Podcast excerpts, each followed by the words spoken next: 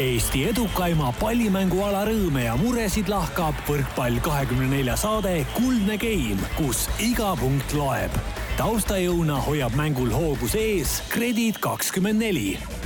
Tere, kallid kuulajad, on seitsmes aprill ja algab Kuldse Game'i saja kolmekümne kaheksas osa ja ega taligi taevajää nagu tänavune kevad Eestis, aga eriti Võrus näidanud on. täna on Kodutänava stuudios natukene justkui peomeeleolu, sest viimase nädala jooksul on selgunud nii Eesti naiste kui ka meeste võrkpallimeister. aga tuleme tänase saate kvarteti juurde. Karin Aldol on hea meel näha laua taga istumas Viljandi Metalliga Eesti meistrivõistlustel neljanda koha saanud Kertu Laaki. tere, Kertu! tere! sauna ja võrkpallieksperti Taavi Nõmmistut, tere ka sulle! Tere, tere! ning Küprose riigi suurt austajat Mihkel Uibolet tere, tere ka sulle! Küprosel olen käinud ühe korra puhkamas. ja rohkem vist ei lähe? oli väga mõnus, päikeste saar selline. jätkuvalt on mõnus jaa, hea meel, soovitan selles mõttes puhkuse sihtkohana suurepärane, kes tahab äh, päikest ja randa ja niimoodi põnevaid kohti ringi vaadata, et see on sihuke. Eesti jalgpallikoondisel ma väga enam ei, ei soovitaks nendega mängida. vastupidi, tuleb uuesti mängida, sellepärast et äh, siis on vaja võita, väga lihtne, et kui sa korra kaotad, et siis järgmine kord tuleb võita. tead, ma olen mitut võrkpalliinimest näinud ja nad, ma vaatan ka Taavi juba tahtis midagi mikrofoni öelda, et eks tegelikult see on Eesti võrkpalliinimestele natukene südamel, et, et võib-olla tahaks natukene rääkida nendest mängudest jaa, hea meelega, miks mitte. no aga räägi, ega meie midagi rääkida väga ei oska. ja noh, tegelikult noh, mis, mis seal väga palju rääkida, kodus ei löönud ära ja võõrsil noh, ütleme siis niimoodi ei tulnud selle pingega toime, et tegelikult koond, kaks asja, ma arvan, et esiteks koondis ei ole mänginud äh, sellises olukorras, kus on midagi kaotada väga palju, ehk siis selliseid play-off mänge. ja võib-olla kümme aastat tagasi viimati, kui siis mängiti. aga kas Küpros mängib neid iga päev? ei, Küpros ei mängi iga päev lihtsalt, aga, aga see ongi küsimus selles, et järelikult Küpros tuli selle olukorraga nagu paremini toime ja teine asi äh, millest ei ole räägitud ja see oli nagu peatreeneri teadlik valik tegelikult, et mitte rääkida sellest ka sellele koondise laagri ajal, oli see, et et äh, koondis oli sihuke kõva viirus ringi liikumas ja see ei olnud siis mitte Covid, vaid äh, mingi gripp või gripilaadne, et seal kahel mängijal isegi tegelikult vist diagnoositi gripp ära täitsa laboratoorselt. aga praktiliselt ühtegi mängijat ei olnud, kes ei oleks laagri ajal äh, kas olnud palavikus lühikest aega või noh, seal oli mängijaid, kes näiteks mängupäeva hommikul äh, oksendasid, kellel oli kõrge palavik ja pärast mängisid äh,, sest noh, mingi hetk see läks nagu tagasi tegelikult võistkond oli nagu tervise mõttes ikkagi päris keerulises olukorras, aga treener võttis noh, selle taktika, et okei okay,, me ei räägi sellest, sest et noh, me keskendume mängudele ja, ja noh, ärme otsime nagu vabandusi, et see oli tema taktika, et võib-olla nagu siukses, kui võtta siukses PR mõttes oleks võib-olla pidanud sellest rääkima ka, aga, aga noh, lõppkokkuvõttes ma arvan, et treeneri eesmärk oli teha nagu häälestada võistkond sellele, et, et mängida, ärme mõtleme selle peale, kui on keegi haige, siis on ja, ja siis ta ei saa mängida, aga, aga noh, ta tuleb nagu tagasi, et Toomas Häberli on hästi selline, ma ei tea, nagu keskendub sellele, et, et see, mida me endast räägime, see, mis mõtteid me mõtleme, et see on see, mis, mis ka lõpuks meil juhtub natuke, et võib-olla selline sisestamine, et oo, meil on siin haigus ja nii ja naa, et ta ei taha nagu nende asjade taha pugeda ja ta pole ma tean, et isegi mõni ajakirjanik nagu uuris ja puuris selle nurga alt, kui temaga siin äh, mängujärgset intervjuud tehti, sest, sest noh, kuskilt ikkagi midagi oli aru saada. aga ta ka seal noh, juhtis teema nagu väga konkreetselt kõrvale, ütles, et ma ei otsi mingeid vabandusi ja punkt, et selles mõttes äh, noh, saab, ütleme sihuke tõeline spordi, spordimehelik, aga jah. ei, nüüd tuleb lihtsalt sellel aastal tõestada, et et sinna tagasi sinna C-liigasse tõusta, et ega, ega seal muud ei ole, et oma vastased tuleb nagu ära võita, et lihtsalt võib-olla ongi mm, huvitav, huvitav nüanss, et äh, räägitakse, et noh, D-liiga, mudaliiga ja siis äh, minu käest on ka nagu mitu korda küsitud, mis see siis nagu konkreetselt tähendab, et noh, see tähendab seda, et Rahvuste Liigas on neli tugevusgruppi või neli, neli tugevustasandit ja me langesime siis kõige nõrgemale tasandile, siis kui ma kellelegi siin ütlesin, et et FIFA tabelis näiteks Lätist, Leedust oleme mingi paarkümmend, kolmkümmend kohta eespool, siis äh, inimesed, kes ei olnud nagu süvenenud teemasse, tegid suured silmad, noh, sest kuidagi mõte oli see, et me nüüd justkui kukkusime peaaegu FIFA tabeli viimaseks või midagi taolist, et et niisugune formaat, et loomulikult nagu halb tulemus ja ja noh, nüüd ongi, sellel aastal on vaja tõestada vastupidist, et see on niisugune lühikokkuvõte sellest. päris pikk seal lühikokkuvõtte kohta, aga, aga me, väga huvitav, sa praegu ikkagi tõsiselt rääkisid, ma, ma muidugi eeldasin, et me täna viskame sellele lihtsalt natukene nalja ja läheme teemaga edasi, aga, aga tore, et sa selgitasid. ja ei, vaata, siin ongi nagu kaks asja, et mina nagu ka hinges ikkagi nii spordifänn kui eelkõige nagu jalgpallifänn, et äh, ega see väljakukkumine, kaotus emotsionaalselt üliraske, et äh, ja ülivalus ja selles mõttes noh, saab ju mõista absoluutselt kõiki selliseid nagu emotsionaalseid purskeid või reaktsioone. samal ajal noh, nüüd ongi, nüüd on nagu mingi aeg möödas, et nagu emotsioonide pealt nagu kaugele ei ratsuta, et see peab nagu analüüsima, et okei okay,, mis siis juhtus. treenerid vaatavad ja valmistuvad ette, noh, et üks asi mida ka peatreener ütles, et äh, tuleb ka osata kaotada selles mõttes, et kaotustest nagu üle olla või kuidas pärast kaotusi edasi minna, et noh, et, kui on kaotused, siis kui reaktsioon on see, et lammutame kõik laiali nagu kogu selle asja, mis ka eelmine aasta ehitati, mille eest saadi siin ka jalgpalligeeniuse auhind jalgpallifännidelt, ehk siis tähendab, et fännid olid eelmise aastaga nagu väga rahul ja siis nagu kaks mängu hiljem noh, see näitab, kui emotsionaalne see on ja see on nagu õigustatud emotsionaalne, ma ei heida nagu ette kellelegi mingit reaktsiooni selles mõttes või kuidagi ei taha nagu õigustada, aga lihtsalt, et spordis on ikka, sa saad nagu paugu vastu nägu ära ja siis sa peadki nagu näitama, kuidas sealt edasi lähed ja nüüd see ongi nüüd koondise ülesanne juuniks ja septembriks, kui selle aasta mängud on, et aga jah, ma võib-olla jah, mõtlen ka, et ma läksin võib-olla liiga tõsiseks, sest et äh, Karl nagu eeldas, et sihuke lihtne küsimus, aga ma ei tea, ma kuidagi. ei, tore on näha, kui inimene südamega asja juures on, aga meil on ka täna saates ikkagi eraldi toodud äh, mikrofoni taha Küprose suurekspert äh,, võiks öelda Küprose suursaadik lausa. Taavi Nõmmistu, sa oled Küprosel võrkpalli mänginud. mis peaks Eesti koondisega juhtuma, et nad Küprosele võrkpallis kaotaksid? Kas mängijad peavad Eestis otsa saama? ma, ma ei isegi ei kujuta ette, see peab olema. maailma ime. maavärin. maavärin. Siis... jah, noh, see võib olla mingi selline, et mängitakse kümme mängu järjest ja võib-olla tõesti ühe kuidagi äh,. arvad tõsiselt, jah? see peab ikka ma, päris suur kivi ma... olema seal keset väljakut, kui Eesti võrkpallikoondis komistaks Küprose koondise. ma arvan, et see ei olnud suur ajaperiood tagasi, kui me jalgpallis rääkisime, ma arvan, sama asja et kui, kuidas, kuidas Eesti peaks Küprose-sugusele koondisele kaotama ja äh, no. äh, mulle meeldib, et sa tõmbasid selle plaastri ikka nagu saate alguses kohe nagu niimoodi pealt ära, et, et ei mingit ilustamist ja, ja on... läksime, läksime kohe selle teemani, mis, mis meid äh, võib-olla natuke huvitas ja muidugi, kui Mihkel siin on, siis kasutame selle ära, ma arvan, et mm et meile ei antaks andeks, kui me, kui me ei oleks talt seda küsinud ja, ja tegelikult saime ju mingeid vastuseid. Tahtsin statistiliselt öelda, hästi huvitav, et Eesti on kümme korda. Eesti oli väravat ka nagu kümme korda Küprosega mänginud läbi aegade.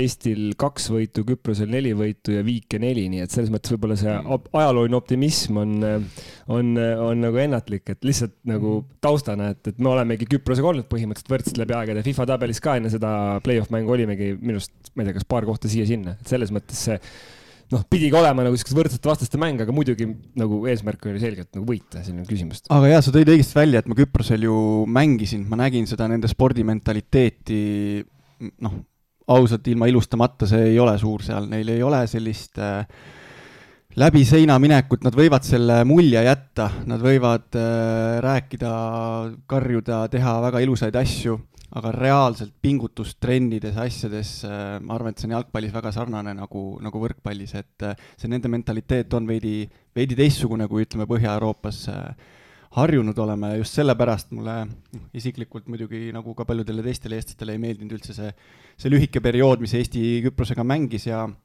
ja mitte üldse nagu ilkumise pärast, vaid äh, vaid pigem äh, jah, see probleemi üks osa on ju see, see lühike periood, mis nüüd Küprosega mängiti, aga, aga suurem probleem on ju see, kuidas sinna üldse jõuti sellele. jaa, kaks tuhat kakskümmend sügis tegelikult ju see algas, et see, millega. meil on võrkpallisaade, ma lihtsalt teeme, teeme lühidalt. aga see, see, see, see, millega nagu tegelikult praegune koondis äh, Toomas Häberli käe all tegeles, oli tegelikult see, et me kaks tuhat kakskümmend sügisel jäime grupis Gruusia, Põhja-Makedoonia, Armeenia vastu neljandaks ja sellepärast me üldse siin olime, see oli tegelikult nagu jah nii, aga meil on täna. aga et, et võrkpalli seda kuidagi siduda, siis äh, ma arvan, et Eesti on nii väike ja kui, kui me ise enda vigadest ei õpi, siis õpime teiste vigadest ja, ja on see siis võrkpalliliit või, või koondis või kes iganes äh,, võib-olla saab siis äh, jalgpalliliidult nüüd midagi üle võtta, et mida vältida, mida peaks teistmoodi tegema, et, et võib-olla meil endal ei mõne aasta pärast kas siis koondis äh, või, või keegi teine ei oleks nagu sarnases olukorras, kus me hakkame tugevalt Euroopas äh, kukkuma mm,. ja no teine siis on ikkagi need nii-öelda play-off mängud või see nende, nende tüüpi mängude mängimise kogemuse mõttes. et seal on ka kindlasti, ma arvan, spordialade vahel nagu midagi, mida saab üle võtta, et kui sa mängid nii-öelda mõisa peale, et noh kui sa mängid, ma ei tea, valiksarja mängu grupis, siis on sul noh, aega, ühe mängu kaotad, teise võidad, sa ei saa nagu pärast ühte mängu nagu hävitavat hinnangut, sest sul on terve valiktsükkel noh, nagu tervik, aga kui sa mängid play-off'i, sa saad, sul on selg vastu seina kogu aeg.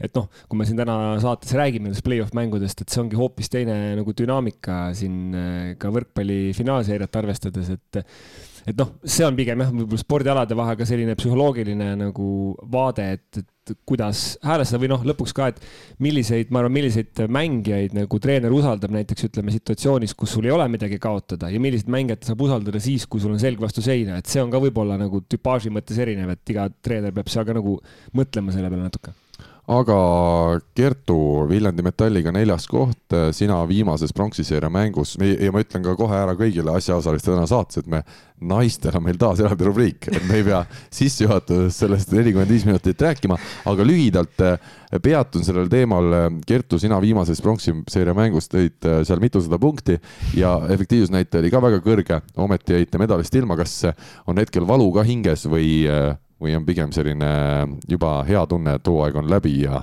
ja neljas koht pole ka kokkuvõttes kõige hullem?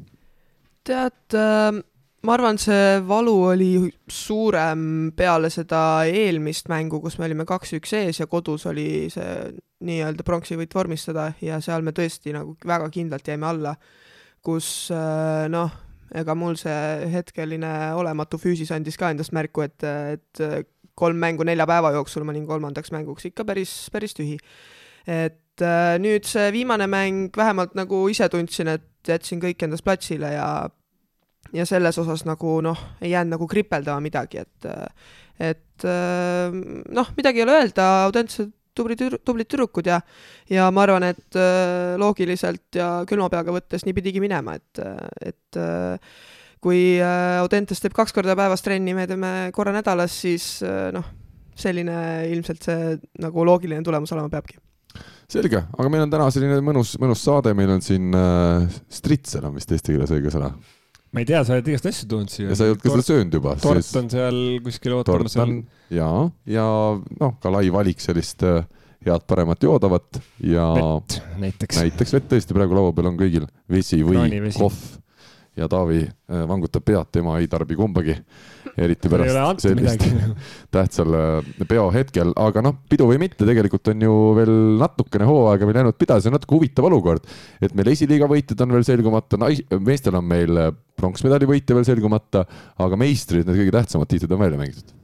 ja ma just, kui sa enne siin saate algust ütlesid, et noh, nüüd on nagu hooaeg läbi, et siis ma kohe ütlesin, et hakkasin esiliigade sihuke võrdõiguslikkuse volinikuks kehastusin. et äh, aga jah, et ma saan aru, et see on seotud ka ilmselt koondise tegemistega, et varsti hakatakse juba ju koondise asju tegema, et siin me mingites saadetes oleme ka rääkinud sellest mängude graafikust, et kas, kas oleks olnud võimalik vältida samal ajal mängimist, et noh, eks vastus ilmselt on see, et taheti selleks ajaks ära lõpetada, et saaks saaks koondise asju teha, samal ajal madalamatel liigadel on, on veel, ilmselt Rahvaliigas ka eeldan, mängud käivad, et. midagi seal käärikul veel hakatakse selgitama, jah. et, et, et noh, seal ongi normaalne, et ega tegelikult senikaua, kui rannahooaeg pole veel alanud, võivad ju. see käib terve aasta. harrastajad mängida, ma mõtlen niisugune lai rannahooaeg, mm. noh, et kus ikka väliväljakud avatakse, siin mõned tuntud no., tuntud uued väliväljakud eelkõige. tahad sa sellest pikemalt rääkida? Äh, mina ei taha, sina tahad kindlasti. ma arvan, et. Äh, sisuturundushetked meie saates. ei äh,, ei ole vaja. Äh, läheme siis Eesti meistrivõistluste juurde meeste seas, alustame tänast saadet sellest, Tartu Bigbankist sai siis äh, neljas Eesti klubi, Tallinna Selveri, Pärnu võrkpalliklubi ja Saaremaa võrkpalliklubi vahel, kel õnnestus ühel hooajal võita kõik kolm tiitlit. ja ütleme, see fakt iseenesest, et Tartu, kes on olnud ju pikki aastaid Eesti võrkpalli tipus, ei olnud selle saavutusega kunagi varem hakkama saanud, räägib sellest saavutusest juba iseenesest, et meil on küll kõigile olnud justkui algusest peale tänavu selge, et Tartu võiks ja peaks need kolm tiitlit ära võtma. aga kui me vaatame võib-olla kümne aasta pärast, siis oskame ehk veel rohkem hinnata seda Tartu võrkpalliklubi tänavust äh, taset ja, ja seisu. Need kuidagi meeleolud pärast seda eilset võitu olid siuksed äh, ühelt poolt hästi ülevad, teiselt poolt natuke sellised ähm, noh, mitte morbiidsed, aga sellised äh, nagu äh, magushapud, eks ole, see, mida ka Alar Rikberg ütles pärast, pärast mängu, et noh, et sellist nii tugevat võistkonda enam järgmise, kas ta ütles kümne aasta jooksul või viie? viie, vabandust, viie aasta jooksul ei tule Eesti palli nagu mängudes, ma saan aru, jah. et ei tule, et see on päris karm hinnang, aga Alar on tark mees, et tema hinnanguid tasub äh, ikkagi tähele panna ja võtta, võtta nagu tõsiselt, et selles mõttes, et see ei, see ei olnud kindlasti mingi emotsiooni nagu pealt öeldud, aga ta, ühesõnaga jah, kui ma vaatasin, mõtlesin ka eile õhtul ja täna hommikul nagu tagasi sellele hooajale, siis Tartu mängud eurosarjas on kindlasti selle hooaja nagu üks noh, ma ei tea, kas kõige kõigem või, või, või on, või vähemalt seal tipus, et see koosseis ka ja see mäng, see kindlus, millega võideti, et siin on jällegi seesama nii-öelda, et millega sa ennast võrdled, kuhu sa selle võrdlusmomendi paned, et kas sa ütled, et liiga oli kehv sest Tartu oli nii kõvasti üle või sa lihtsalt ütled, Tartu oli nii hea, et liiga tase oli ikkagi nagu see, see, mis on nagu alati olnud, see Tartu tegi nagu selle pingutuse, mina lihtsalt tunnustaks Tartut, et ma ei hakkaks ütlema, et oo, seal no, polnud nagu vastaseid, et lihtsalt äh, sul võib vastaseid olla või mitte olla, aga mängida terve hooaeg niimoodi, kaotada finaalseerias üks game ainult ja noh, sedagi siis, kui juba tegelikult kõik oli selge, noh, et, selles nii-öelda koera sabast oli vaja veel üle saada neil viimases mängus, et äh, mina kiidaks ja tunnustaks Tartut, aga see lihtsalt teiselt poolt ongi seesama, et kui, kui nüüd see võistkond nagu äh, ütleme, kui äh, Rikberg ütleb, et sellist nii tugevat võistkonda enam ei tule, siis sellest on muidugi kahju, sest neid Euroopa mänge või edu Euroopas, et see maitseb oi-oi kui hästi, et et noh, me oleme harjunud ja me Läti-Leedu klubidega mängime, noh, mis on ka sihuke, lisab nagu elevust natukene ja et me nendest oleme üle, aga, aga need nii, nii võidud Euroopas, mis Tartu sai, kui ka need äh, nagu siuksed võitluslikud kaotused, mis, mis mängiti äh, noh, kaasaniga eelkõige, et siis äh, siis jah, kahju, kahju, kui neid edaspidi ei ole, et ma ikkagi hoian pöialt, et neid oleks edaspidi. nii, proovime siin teiselt ka võtta kampa ikkagi, Taavi ja Kertu. mis andeks, Mihkel. mis, mis me võime täna Tartu Bigbanki kohta öelda, kui me toome selle võrdluse sisse, et meil on täna Eesti parim jalgpalliklubi, noh, Levadia ametlikult, aga Flora euromängude põhjal ja BC Kalev Cramo, ma ei tea, kas me saame hetkel lugeda Eesti parimaks korvpalliklubiks seal Balti liigas kukuti enne, enne välja, kui üldse hakati midagi välja mängima.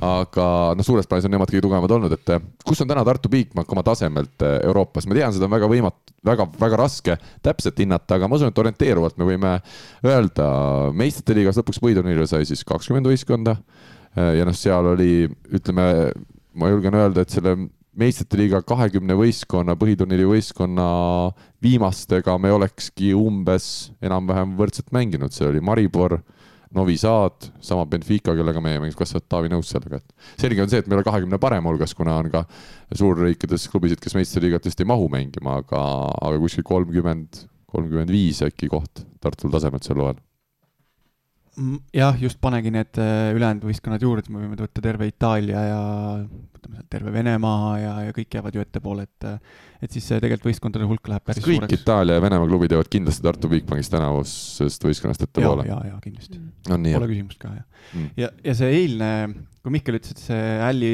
välja öeldud lause ei, olnud emotsiooni pealt öeldud, siis mina ütlen küll, et ma arvan, et see oli natuke kõrge pulsi pealt öeldud, et et jah, võib-olla ta tõesti arvabki nii äh,. All on tark mees, kindlasti seal on mingi põhjendus taga. ja treener peabki enesekindel olema, kui treener ei ole enesekindel, siis ei ole ka tema mängijad enesekindlad, et selles mõttes on kõik õige. aga, aga kui nüüd mõelda selle, selle väite peale, siis äh, mina julgen küll kuidagi kahelda, et see nüüd äh, nii, nii võimas äh, koosseis oli, tegelikult ju eelmise aastaga võrreldes ei pandud tohutult sinna võistkonda juurde, jäi peaaegu sama punt, läks Tammearu ära, tuli Juhkami, ehk siis läks veidi paremaks. aga, aga mis selle efekti tekitas, oli see, et kõik teised läksid kõrval lihtsalt nii palju nõrgemaks. et äh, see on selle asja, asja põhjus, miks siin äh, nii, nii palju mänge võideti ja Tartu komplekteeris ennast nii vara, tema pani võistkonda kokku nii, et, et ta oleks konkurentsis võrreldes eelmise aasta, ütleme, Selveri ja Saaremaaga. ja, ja oleks see Selver Saaremaa sarnasel tasemel jätkanud, siis oleks ka need tiitlid, ma arvan, teistmoodi jagatud.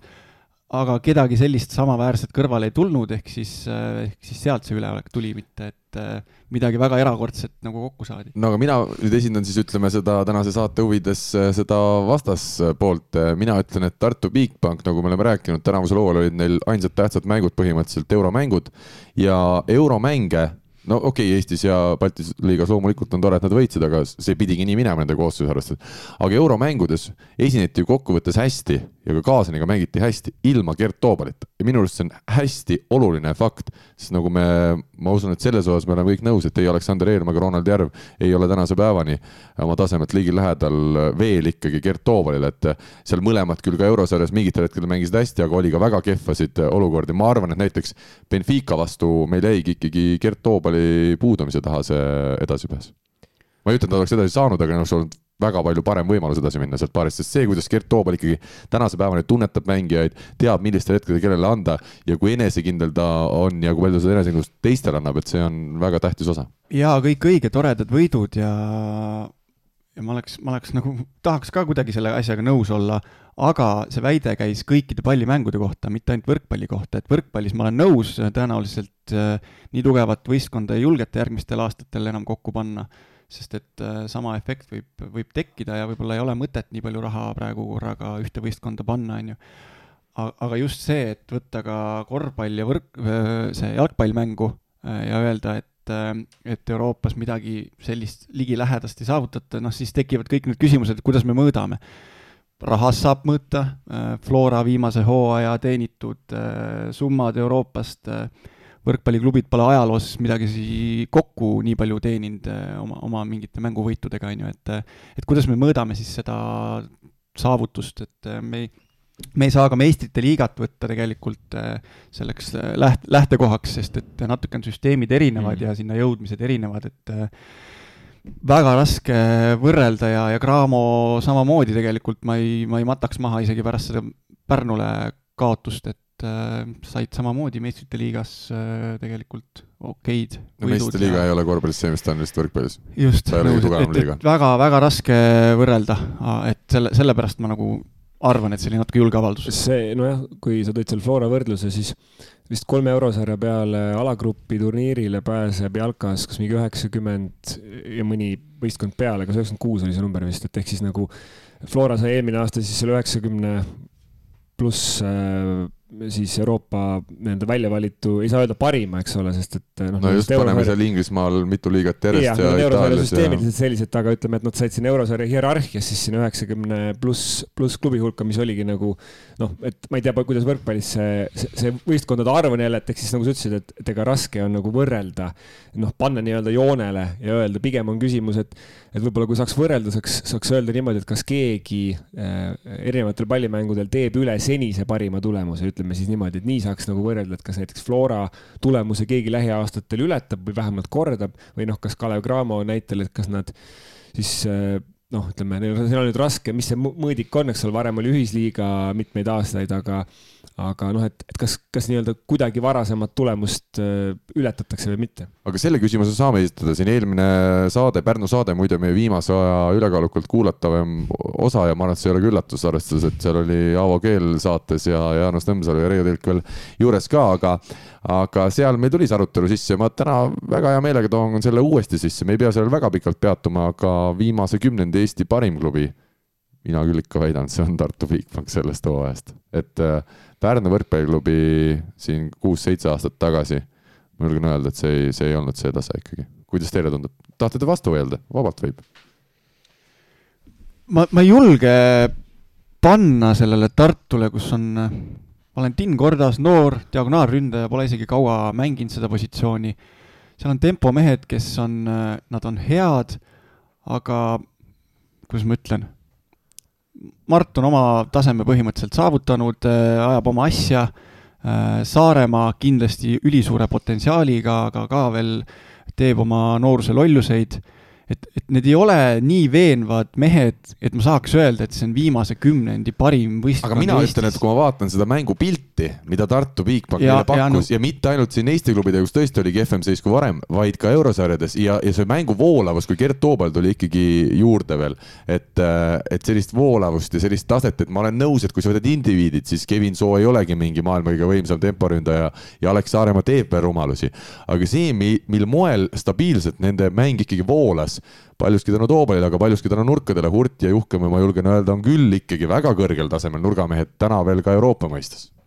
Sellega ma olen nõus, et distsiplineeritud võrkpalli mängiti, see on äh, Alli stiil, see on, see on õige stiil, selles mõttes see oli korrektne, seda oli ilus vaadata, aga mina selle väite peale hakkan kohe mõtlema enda esimesi aastaid äh, võrkpalli meistriliigas, see oli siis ütleme, keskkooli õpe, õpingute ajal Audenteses, kui äh, Selver oli ülivõimas, viis aastat järjest võeti kolm tiitlit pigem ma ütlengi, et võib-olla see võistkond oleks siis võrdlusmoment, kuigi noh, jah no,. see jääb sinna aega siis äh, ütleme kaksteist aastat ja mõned aastad veel otsa sinna, sinna perioodi. jälle võrkpall natuke teistsugune, et võib-olla parem võrdluskoht seetõttu ongi jah, see Pärnu, mis oli siin kuus aastat tagasi või? noh, omas ajas me peamegi võrdlema mm. selles mõttes, et kümne aastaga on ka juba väga palju muutunud tegelikult võrkpallis, võrkpallis on juba viie aastaga mäng mm. muutunud, me oleme, me oleme näinud tegelikult, kuidas positsioonid ja ülesanded natuke muutuvad, aga, aga noh, see selleks aga jah, kuidagi ei, ei julge öelda jah, et see nüüd nii võimas äh, sats oli, arvestades ka seda, et noh, pingi peal oli selle hooaja seisu arvestades head mehed, head käigud võtta, aga kõik need kaksteist või neliteist meest ei olnud ikkagi selles mõttes täis no, millal need on mehed. olnud Eestis? ma arvan, et selliseid võistkondi palju meil on olnud, et meil on neliteist kvaliteetset meest olnud ühes võistkonnas no, võib-olla ma eksin, võib-olla just. ma toon sellesama Selveri näite, kui, kui need aastakäigud minu arust äh, meie koondis oli selline, kust igas võistkonnas, tähendab liigas, igas võistkonnas pingi otsas oli kuskil niisugune kolm noort meest. Äh, noore alla ei läinud enam siis äh, keskkooli lõpetanud, ütleme minu ees olid alati selline Kivisild, Ennemuist ja, ja need mehed, nemad olid juba äh, okei okay, tasemega mängumehed, noh, keskkooli lõpetanud ja ütleme, ülikoolis ja, ja see võikski olla ju see eesmärk, et nendega saab arvestada. praegu kahekümneaastased võib-olla tahavad veel aasta-kaks saada, et me ütleks, et nad on juba küpsemad mehed, on ju. aga, aga jah, et sellest noortekoondistest oli minu mäletamist mööda küll siin Tartus, Pärnus, Selveris pingi otsa peal ütleme kolm, kolm meest näiteks. Kertu, sinu arvamus selle teema kohta? kas Tartu Bigbank on nii hea, nagu on jäänud osadele mulje, nagu Alar Rikberg eile ise väitis? no selles mõttes ta on kindlasti, ma nagu naiste võrkpalli koha pealt vaatan, et äh, minu arust on nagu neil seda tiimi sügavust ka, et me nägime siin noh, eks, eks vastased teevad ka oma töö selle, selles osas ka, et, et äh, nägime siin, kuidas Tamur Viidalepp mängis äh, temporündajat siin viimastes mängudes ja, ja sai nagu väga hästi hakkama tegelikult, et et äh, lihtsalt äh, mul on hea meel, et on, on Eestis meestel tiime, kus saab väga korralikul tasemel mängida kodumaal Äh, mida naiste koha pealt öelda ei saa. Äh, nii et äh, selles mõttes on mul väga hea, väga hea meel, et meestel on see väljund olemas ja saavad ka euromänge kõrgel tasemel tegelikult kodumaa klubis mängides mängida, nii et aga, aga selles mõttes ajaloo, ajaloo koha pealt ja, ja tuleviku koha pealt mul nagu need teadmised natukene jäävad puudulikuks, et seal siin nagu kaasa rääkida. aga tuleme selle finaalseeria juurde, neli-null siis mängudega ja tundus, et tuleb ka viimane mäng ikkagi kolm-null, aga Pärnu võrkpalliklubi vastupidistelt ootustele olid puudu siis Bogdan Masenko, temporündaja ja Jean Mauricio sidemängija, suutis null-kaks kaotusseisu jäämisest hoolimata eile peetud siis neljandas kohtumises. Võita game'i ja omada ka neljandas game'is veel game palli, seda enam realiseerida ei suudetud ja Tartu lõpuks kolm-üks võit, aga mis minul oli ikkagi äärmiselt hea meel, ma julgen öelda, et kui nüüd keskmine spordisõber sattus vaatama seda mängu, siis kindlasti ta ei kahetse, et see oli, see oli, see oli nüüd lõpuks ka finaalseerias selline hea reklaam tavalisele inimesele, kes võib-olla ei oska hinnata seda Tartu Bigbanki meeletut kvaliteeti, vaid kes tahab näha põnevust, et see oli nüüd üks põnev mäng. ja mina tunnistan küll, et kuna see oli hooaja viimane telemäng, siis kui me Taavi Lüütsepaga telebussiga lõpuks tagasi sõitsime, mõlemal oli selline hea tunne, et vähemalt, vähemalt lõpp sai tõesti igas mõttes lahe noh, selline olekski pidanud olema terve seeria, seda oleks, oleks tahtnud näha ja ütleme jah, kui tavavaataja klõpsib kanaleid, siis, siis kui tema pilk võrkpalli peal peatub, ilmselt ta vaatab seisu kõigepealt ja siis kas ta jääb vaatama või ei jää. ilmselt kolm mängu tõenäoliselt eh, võib-olla korraks jäi, aga, aga sai aru, et, et ülekaal on päris eh, ilmselge. eilne mäng, noh, kui Pärnu ei ei hakka veel seal viimasel hetkel ka null kaks kaotusseisus veel pingutama, on ju, et siis millal veel, noh, ma ei, ma ei ütle, et ei pingutatud, aga, aga tõesti noh, selg, selg ikka nagu väga vastu seina, et et tegelikult äh, nagu ka Äll ütles pärast äh,, Alar Rikberg siis ütles pärast mängu, et tegelikult ju Pärnu hakkas mängima ka paremini, et see ei olnud kuidagi, et Tartu täitsa ära kukkus või midagi, et tegelikult hakkaski tegema ju paremaid liigutusi, Markus Uuskari võttis ilusti selle liidrirolli endale ja ja asjad hakkasid paremini sujuma, mis näitab veel kord, et noh, Aavo tegi tegelikult head tööd, kui talle anda aega selle sama materjaliga natuke rohkem, et siis äh, kindlasti oleks see finaalseeria ka põnevam olnud, aga et see meeskond arenes väga, väga loogiliselt. ikkagi see küsimus jääb õhku, et, et Pärnu võrkpalliga me eelmises saates olid nad meil külas ka, aga ma ei, ma ei saanudki päris täpselt sellele küsimusele vastust, et et jäädakse nagu igal hooajal viimastel aastatel selle komplekteerimisega hiljaks, aga kas siis ei peaks lihtsalt alustama nagu varem seda protsessi, et kui see tundub nagu muster olevat, et igal hooajal alles sügisel või talvel äh, saab selle võistluse kokku, et see ei ole kindlasti, nagu ka selles saates rääkisime, Aavo Keele jaoks mingi ideaalne olukord, kus tal alles jaanuari lõpus jõuab äh, viimane või viimased mehed kohale, et jällegi ma saan aru, et raha kokkusaamine ei ole kerge ja nii edasi, aga kui see tundub juba, et see kujuneb mustriks, et lõpuks see raha saadakse kokku, aga lihtsalt liiga hilja, seal tuleks teha mingeid muudatusi. no ilmselt Pärnu võrkpalliklubi kontoris ei istu ka mehed nii, et müts ikka nagu kõvasti pigistab peas ja sinna õhku peale ei tule, et nad teavad ka ilmselgelt, et noh, mida, mida varem sa satsi kokku saad, seda, seda parem. seal, seal on, ma arvan, mitu põhjust, üks loomulikult raha ja, ja sponsorid, teine see, et kui sa hakkad võib-olla paar kuud hiljem otsima mängijaid, siis nende mängijate hind natuke langeb, nad on nõus tulema võib-olla natukene odavamalt. kas on niipidi või? Ma arvan küll, et kui sa võtad samad mängijad ja, ja hooajad on pihta hakanud ja tal ei ole klubi ja, ja sulle ütleb äh, keegi, et äh, tule, tule Eestisse, see on see summa, võta või jäta, siis äh, noh, tõenäoliselt sa enam väga palju ei julge edasi lükata oma otsuseid, et äh, võib-olla on nõus tulema. see on vist tõesti ühtpidi nii, teistpidi on nii, et näiteks nagu ma olen aru saanud, Rene Teppani olukord äh, alustas Türgis suhteliselt nõrgas klubis seda hooaega ja kuna diagonaalründajatest headest oli Euroopas äh, puudust, sest hakkasid mingid mängijad vigastada saama, siis tõusis ka äkitselt nende diagonaalründajate hind, kes, kes olid veel turul mingil moel siis vabad, kas teisest klubist ära tulemas või üldse klubita tõsi, aga selle peale lootma jääda, et mingis võistkonnas noh, keegi vigastada saab või, või kehvas vormis on, noh, alati neid on, aga, aga see ei saa olla selline äh, plaan A äh,. Teppan ka, ta ei olnud turul vaba, et selles mõttes oli tal, oleks ta olnud ilma tööta, ma arvan, ka tema oleks pidanud enda hinda langetama, et äh, tööandja leida, aga temal oli võistkond olemas, tal ei olnud tegelikult ju noh, kiire selles mõttes uut võistkonda leida, et tema lihtsalt osteti sealt välja aga kiidaks nüüd Pärnut ka ikkagi kokkuvõttes tõesti hooaja algust arvestades, mis võistkond neil koos oli ja kuidas mängiti siis viimased ütleme, mõned nädalad eelkõige olid ikkagi väga erilised, see TalTechi vastu tagasitulek poolfinaalseerias ja finaalseeria viimane mäng andis ka taas lootust. Aavo Keel, meie saate suur kuulaja, tervitame teda siinkohal. ei tahtnud küll väga palju pärast mängu meeskonda kiita, aga ma julgen öelda küll, et see koosseis, mis lõpuks Tartule need paar geimi väga hästi vastu sai, et siinkohal kiidame igal juhul neid Aavo Keelt siis hea treeneritöö eest ja samamoodi mängijaid, kes, kes väga hästi Tartu vastu lõpuks äh, ikkagi hakkama said jah, see viimane, ma mäletan siin see viimane time-out, mis Aavo Keel võttis ja kus ta ütleski konkreetselt Richard Vogelile, et äh, tõsta sellele Petersonile see pall ette ja keegi ei hakka pahandama, et, et see oli nagu väga äge lüke ja, ja noh, lõi täiesti just, ma arvan, see Peterson seda palli, aga ta, see Viidalepp oli ilusti allkaitses ja ja noh, selles mõttes äh, ega kogu mäng oli tegelikult ju kõikide nende meeste poolt nagu väga äge ja minu arust oli näha nagu äh, emotsionaalselt ka, et nad nautisid seal platsil olemist ja sama, samal ajal teiselt poolt, Tartu poolt võib-olla noh, ikkagi mindi seda kohustuslikku või, võitu võtma, et selles mõttes see suhtumise pool oli ka kindlasti erinev. kas, äh, kui me räägime siin meestest, kes mängisid seal, seal äh, finaalseerias Pärnu poolel võtame Voogeli, võtame siit äh, Petersoni juurde, ikkagi Uskari küll juba tuntum mees. Äh, Maarist ma arvan, et me ei pea eraldi rääkima, Maar on super hea ja läheb järgmiseks hooajaks välismaale. aga kas, äh, kas need on nüüd sellised mehed, kes natuke tõstsid ka makseid siin hooaja viimase kuu jooksul, Eesti mehed? kindlasti ja neid mehi tahaks, et oleks veel ja veel just selles vanuses ka, ütleme, et see on juba see aeg, kui kui peabki selliseid äh, õppetunde saama, nagu see eilne viimane punkt oli, et Aavo Keelelt väga, väga õige lüke, selliseid asju tegelikult äh, tehakse. Ja, ja täpselt nagu ta ise time-out'iga võttis põhimõtteliselt pinged maha nendelt kahelt noorelt mehelt ja minge ja, ja tehke nii, nagu, nagu tema ütleb. Et... pinged maha?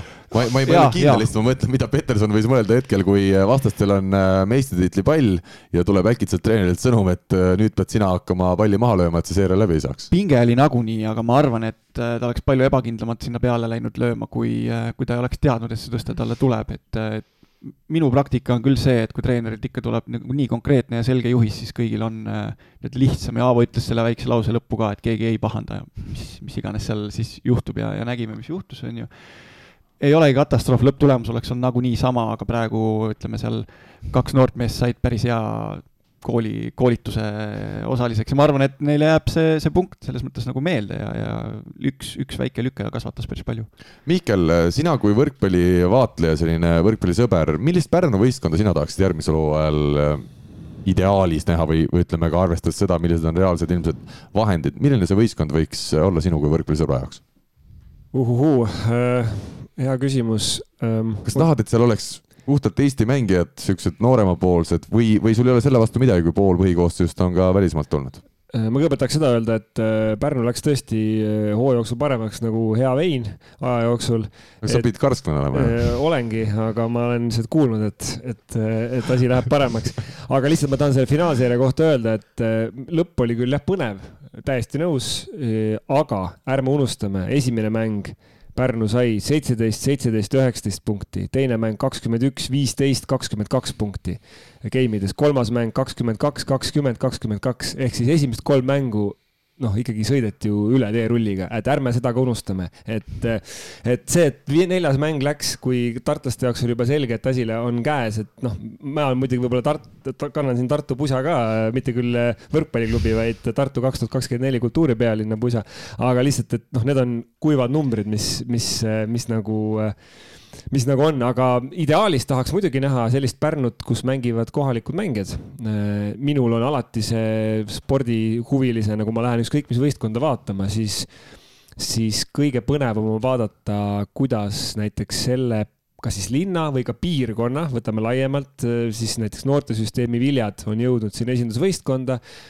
mind ei huvita niivõrd see tase selles mõttes, et, et et noh, kas, kas nüüd noh, sama võib-olla, ma saan aru, et naiste võrkpalliks Granadi plokk on ju, aga kui lihtsalt tuua see, tihtipeale küsitakse, mis sa seda naiste võrkpalli vaatad, seal on nii sihuke tase ja amatöörlik ja käib üles-alla see mäng ja aga ma ütlen ka, et mind ei huvita see nagu see pool, et, et noh, et kas on tase või mitte, see on Eesti meistriliiga, seal mängivad selle piirkonna parimad mängijad ja ma lähen seda vaatama, sõltumata sellest, kus ta nii-öelda võrdluses maailmatasemega on ja, ja noh, Pärnu osas ka, et mina, mina ootaks nagu seda, et, et, et seal on äh, see võistkond on, ta ei pea olema komplekteeritud nagu kogu nii-öelda kõikidest nagu ma ei tea, oma parimatest noortest või et välismaalasi vältida, ma lihtsalt ootaks, et see võistkond oleks komplekteeritud perspektiiviga kaks-kolm-neli aastat. see võib tähendada, et sul on pool võistkonnast näiteks on neid, keda sa tahad hoida võib-olla nagu pikemas perspektiivis siin eh, ja siis sa vahetad seal välismaalasi no,. on see realistlik? ma olen nõus, et see on suures plaanis kindlasti õige mõtlemine. ma lihtsalt ma... mõtlen, et, et, et vaata Pärnu, Pärnu ja ka teised, ütleme väljaspool Tallinnat ja Tartut, eh, kui on olnud siin erinevaid võrkpalliklubisid, ütlevad, eh, et meil on probleem, meil pole rahastust, keegi meile sinna tulla ei taha noh, et me olemegi nii-öelda tihtipeale selles ühe hooaja perspektiivis kinni, aga noh, mina ütlengi, et selleks, et konkureeridagi, noh, on siis Tallinna või Tartu klubidega, tulebki teha selline noh, natukene pikem plaan, et, et et see ei tähenda, et tuleb esimene aasta kuskil tabeli põhjas olla ilmtingimata, et tuleb ikkagi hoida nagu, ma saan aru, sponsorite jaoks peab atraktiivne see olema ja linna jaoks peab atraktiivne olema ja ka Eesti mängijate jaoks, nad sinna tuleksid. et, et aga lihtsalt, et, et, et see vaade ei oleks mitte see, et nii, elame selle hooaja nüüd kuidagi üle. ma ei ütle, et Pärnu nii teeb, aga ma lihtsalt ütlen, et, et, et on, on olukordi, kus kindlasti on nii tehtud, et oh, elame selle hooaja üle, saame need arved makstud ja siis hakkame vaatama, kuidas me seda järgmist hooaega komplekteerime, et lihtsalt mida rohkem, mida vähem sellist mentaliteeti on, seda kvaliteetsemaks need võistkonnad pikas perspektiivis saavad ja seda rohkem on see klubi, mitte võistkond, et mul oli eelmist saadet, eh, ma ei saanud kahjuks küll osaleda seal, aga, aga oli, oli hea meel kuulata seda, et, et ikkagi Pärnu võrkpalliklubi inimesed käivad ka maakonnas võrkpalli populariseerimas ja noortegruppidega tegelemas, et sealt ju tulebki see nii-öelda see klubi, noh, ma mõtlen niisugune püramiid. et aga jaa, ma ei, ühesõnaga, et, et, et siin oli ka pärast eilset äh, finaal, viimast finaalmängu äh, nii sina, äh, sa rääkisid seda vist ka otseülekande ajal, aga eelkõige, kui sa tegid intervjuu Tarmo Tiisleriga, siis te rääkisite sellest publiku teemast. ehk siis mina ütleks ka, et ikkagi publik tuleb saali loomulikult siis, kui on sportlik intriig, seda näitavad alati need finaalid, ehk siis kui finaalide ajal on, on X kogus pealtvaatajaid, siis tavamängul on see X miinus seitsekümmend viis protsenti umbes on see, on see, et et äh, ja, ja ühesõnaga intriig ja teine asi on see, et kui mängijad on mingisuguse tähendusega neile, et kas on omakandi poisid või, või tüdrukud või on siis kuidagi ka need noh, ma ei tea siis mm, kokku kokku sulandatud selle, selle kandiga, et kui sul on noh, ütleme, Toomas Vanson, ma arvan, hea näide, kelle pärast tõenäoliselt tullakse saali, sest ta on nii-öelda oma juba, onju, aga kui sa tood liiga suure hulga neid või ütleme, üle kriitilise hulga neid, kes võib-olla ei ütle inimestele midagi, siis ongi, et aga noh, keda me seal vaatame, olen kindlasti nii-öelda välismaa mängu, mängijad, ütleme näiteks ka Brasiiliast lisavad sellist äh, hoopis teistsugust mängukultuuri ja seda tullakse ka vaatama ühe hooaja perspektiivis, aga kui sul on kõik mängijad sellised, siis, siis ta muutub siukseks nagu kaugeks inimestele palju mõtteid on tulnud siin kuulajatelt äh, vahepealse aja jooksul seoses selle publiku teemaga Pärnus. Taavi, kuidas sina sellele teemale otsa vaatad, kas äh, inimesed lihtsalt ei tulegi saali, ongi see vältimatu, et Pärnu peab leppima sellega, me peame kõik sellega Eesti võrkpallis leppima, et rahvast ei käigi ja ja mängime tühjadele tribüünidele ja elame edasi või sa arvad, et, et siin peaks ja saaks midagi teha paremini? siin ei ole minul midagi arvata sellele, kogu sellele võrkpallipubliku mõttele tõmmati vee peale, tõmmati vesi peale selles mõttes, kui hakkasid korvpallimängud pihta äh,. on need vist veerandfinaali Balti liiga, liiga Eesti-Läti. tulid need artiklid välja, et, et võrkpallis tribüünid tühjad äh,. oli ka kommentaare, et kõikidel aladel on praegu raske, inimesed ei leia saali, saali üles. vastupidi, praegu on see aeg, kui inimesed on ka see saanud läbi, et sa ei pea passi enam näitama, sa ei pea maski enam kandma, inimesed otsivad asju, kuhu tulla ja kuhu minna. ja ma ütlen siia vahele ka, et äh, naiste mängudel äh, finaal ja pronksimäng oli päris palju rahvast ikkagi nagu noh, tuli nagu rohkem nendeks otsustavateks mängudeks, et okei okay,, seeria läks ka viie mänguni ja lihtsalt me mõtlesimegi, me mängisime ära oma pronksi mängu, mõtlesime, kas minna Tallinna Ülikooli vaatama ja me mõtlesime, lihtsalt ei mahu sinna, nagu kindlasti me ei mahu sinna, okei okay,, see on ka väike hall tõesti, aga no see kaasaelamine oli ikkagi naiste võrkpallis üllatavalt hea ja noh, see Väikse-Halli efekt on omaette teema, et seal oli vist protokolli järgi kakssada inimest, aga tundus seal Tallinna Ülikooli hallis, et noh, et seal ei ole istuda ega astuda kuskile, aga selle juurde me jõuame. ma just tahtsin öelda selle Pärnu kohta eh, numbriliselt. Pärnu vapruse võrk, eh, vabandust, jalgpallimeeskond, mitte võrkpallimeeskond, eh, jalgpallimeeskond, kes noh, ilmselgelt ju ei mängi kõrgemate kohtade nimel, ta mängib tabeli nende viimaste kohtade nimel. hooaja avamäng esimesel märtsil me teame, mis ilm on väljas esimesel märtsil, nii edasi. parem kui aprillis. Pärnu Rähepapi kunstmuru väljakul, kus ei ole tingimusi klassikalises mõttes, kus ei ole tribüüni, kus ei ole selliseid asju. oli nelisada kuuskümmend üks pealtvaatajat, Pärnu Vaprus, Paide linnameeskond mäng, nelisada kuuskümmend üks pealtvaatajat, ilma mingisuguse sellise noh, sportliku intriigita otseselt, ilma mingisuguse lootuseta nüüd, et Pärnu ilmtingimata hakkab seal Eesti meistriks tulema ja nii edasi, pluss ilma mingisuguste tingimusteta, et see on, see on rohkem, kui oli viimases finaalmängus pealtvaatajaid Pärnu ja Tartu vahel eile ehk siis jah, kokkuvõttes äh, see diskussioon ei, ei pidanudki väga kaua kestma siin Eesti spordis, et äh, kõik on okeis seisus, kui on, mida vaadata. Äh, Eesti publik on tundlik selles mõttes, et ta tahab emotsiooni või ta tahab taset. kui tase on ainult ühel pool võrku, nägime finaalseerias praegu ära, ei, ei ole piisav. ma olen, ma olen, aga noh, ütleme tuues nüüd nagu teise poole ka, ma olen nagu nõus sellega, et esiteks Covid on mõjutanud inimeste harjumusi, et kergemini, noh, nii nagu äh, toome kasvõi, ma arvan, kõik saame seda, sellega, sellest aru, et kui enne Covidit äh, internetipõhiste koosolekute pidamine oli ikkagi selline viimane variant, siis nüüd väga paljude asjade puhul ütleme, et ai, räägime Zoomis või Teamsis nagu, et see mentaliteet on muutunud ja inimeste puhul sama. et noh, et kui sul on ülekanne või sa lähed kohale, siis mõtled, ei, ma ikkagi vaatan ülekandest ja, ja see. see on, see on, see on, mina see... ütlen, see on, seda võib vaadata mõlemat pidi. teine variant ongi see, et mina täna reaalselt mõtlen, kuna ma tean, et, et õhtul on võimalik igale poole minna, kõik kohad on avatud ja kõik inimesed saavad minna, et ma otsingi neid ja, lahendusi ma... rohkem kui vahepealsel ajal, mil oligi parem kodus olla, seda soovitati ka. ja, aga lihtsalt, lihtsalt ma ütlen, et see, seal on ka teatud hulk ja teine asi, noh, me, me tegime jalgpallis ka tegelikult eelmisel aastal küsitluse publiku hulgas, et kuidas Covid on mõjutanud teie, teie neid äh, harjumusi staadionile tulla. et kas te olete näiteks jätnud ära äh, staadionile tulemist või kas te olete hakanud rohkem valima või kas te noh, kuidas te üldse suhtute ja noh, mis välja tuli, jällegi see on keskmine, on hakatud rohkem valima, ehk siis on äh, nagu oma aega kuidagi rohkem nii-öelda siis mm, prioritiseeritud oluliselt rohkem jälgitakse seda, et kas ma haigena tulen või ütleme siis kergelt tõbisena liigun kuskile välja, ehk siis kergemini jäädakse koju, mis on iseenesest ju tervislik, et me ei tõmba ennast üle, et me ei lähe kolmekümne kaheksa poole palavikuga tööle kogu aeg ja, ja samamoodi me ei lähe kuskile rahva sekka teisi inimesi mingite viirushaigustega nakatuma. aga eh, noh, kolmas asi oli ka see, mis, mis sealt nagu välja tuli, et, et ikkagi nagu otseülekannete eelistamine on nagu ütleme, see on, ma saan aru, see on harjumus, mina, ma viitangi sellele, et see on harjumuse küsimus, et me lihtsalt eh, loobume, kui me võtame, et see hierarhias, ütleme näiteks see võrkpalli vaatamine minu ja sinu jaoks, Karl, see nagu ähm, Äh, on seal hierarhias kõrgel nagu see, et me lähme sinna saali vaatama, aga kui see minu äh, nagu ütleme, hierarhias oleks näiteks seal veel viimasel, veel viimasel kohal ja sa tõmbad nagu maha, äh, noh, et ma, ma ei, mul ei ole võib-olla energiat nii palju ja nii edasi, siis sa loobud nagu kergemini nendest viimastest asjadest ja prioritiseeridki rohkem ja selle arvelt jääb nii-öelda seda võib-olla juhuslikumat vaatajat tulemata. mõned tähelepanekud, mida on siin võrkpallisõbrad millega on pöördutud minu poole, kas keegi on kirjutanud või mängul näinud ja küsinud. esimene asi, et Tartu Bigbanki ja Pärnu mängul kakssada kolmkümmend pealtvaatajat ametliku statistika järgi. ma olin kohapeal, ma tean, et see number oli oluliselt suurem. minu jaoks on natukene kohati nagu imelik, et, et, et äh, kui ma küsisin ka Hendrik Rikandilt, et ta ei teadnud, kas seda saab üldse muuta enam, tema vaatas ka, et oli valesti märgitud.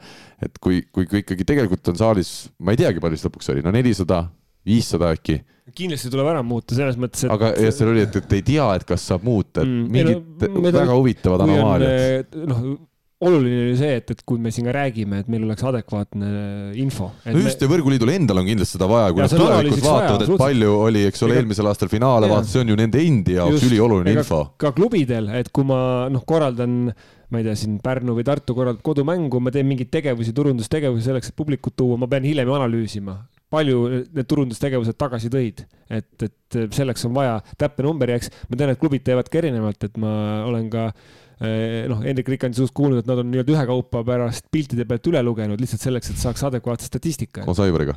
Eh, ma ei oska öelda, kellega koos, aga. see on siis enne magama jäämist nagu lambaid loeks. ja enne nagu magama lambaid loeks, et jõuas neljasajani, siis Rikand jäi magama, eks ole, aga, aga et, et siis sellepärast pandigi nelisada. võib-olla nii läkski kakssada kolmkümmend kirja. kakssada kahe, kahesaja kolmekümne juures jäi Rikand magama ja siis lõpuks tegelikult oli nelisada.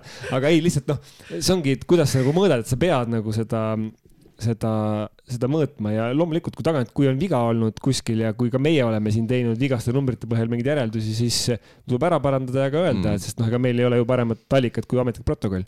aga teine asi, millest on ikkagi rohkem juttu olnud ja intriigi, et kuidas saab olla, et otsustav või noh, mis paljud eeldasid ja, ja nii oligi, et jäi viimaseks finaalmänguks.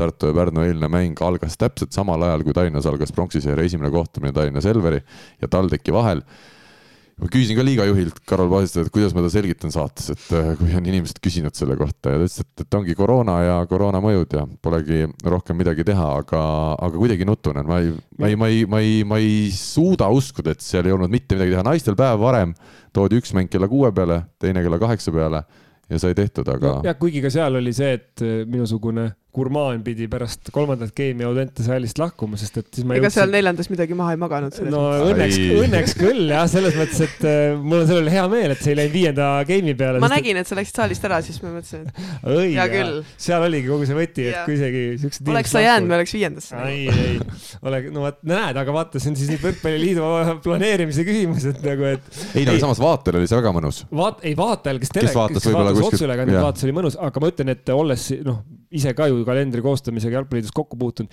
see ei ole lihtne leida neid vabu aegu, kõik, et selles mõttes tuleb ka nagu mõista seda, aga ma arvan, et see noh, kas me mõistame seda või mitte, kas see on paratamatus või mitte, siis fakt on see, et see ei tee head sellele eh, otseülekanne vaatajat, otseülekande vaatajate numbrile, see ei tee head ka saali tulevate inimeste numbrile, et kui nad on samal ajal või vähemalt sellisel ajal, sest noh, ütleme, me oleme me oleme üritanud näiteks jälgida väga pingsalt seda, et, et mingid noh, otseülekande mängud oleksid eraldi, nädala sees on jah, kohati, kus sa ei saa, kus, kus õhtused ajad kattuvad. aga just selleks, et fännid saaks ka Tallinna sees näiteks liikuda ühelt staadionilt teisele ja kohe, kui me teeme sellise nii-öelda nimetame siis vea, et me paneme nagu ühele ajale või, või kuidagi, et siis me saame väga tugevat eh, kriitilist tagasisidet fännidelt ja me peame kohe korrigeerima seda, sest et noh, see on nende huvi, et, et selles mõttes. Aga ma möönan, et see ei ole alati nagu, ongi mingid sundolukorrad lihtsalt sundolukorra tulemus on see, et noh, mina, mina näiteks ei vaadanud pronksi mängu, ma oleks võinud vaadata. sama asi meelega. on see, et me täna väga pikalt, me varsti tuleme selle pronksi seeria alguse juurde, me ei saa sellel väga pikalt peatuda, sest meil ei ole olnud lihtsalt äh, kellelgi võimalust seda otseülekandes vaadata. mina vaatasin. sina vaatasid? ma vaatasin kahelt ekraanilt, olin vaata. et see on tänapäeva noor, vaata, see on kohe näha, kes on meie seltskonnas kõige noorem. tema, minul on raske vaadata ühtegi sa ei ekraani. oska panna kahte ekraani korraga käima. rääkimata sellest aga hea kui ühe, et kuidas sul, Taavi, on? saunas, kui sa vaatad Iglu saab viis korda leili ja siis vaatad sa ühelt ekraanilt, kahelt ekraanilt mänge?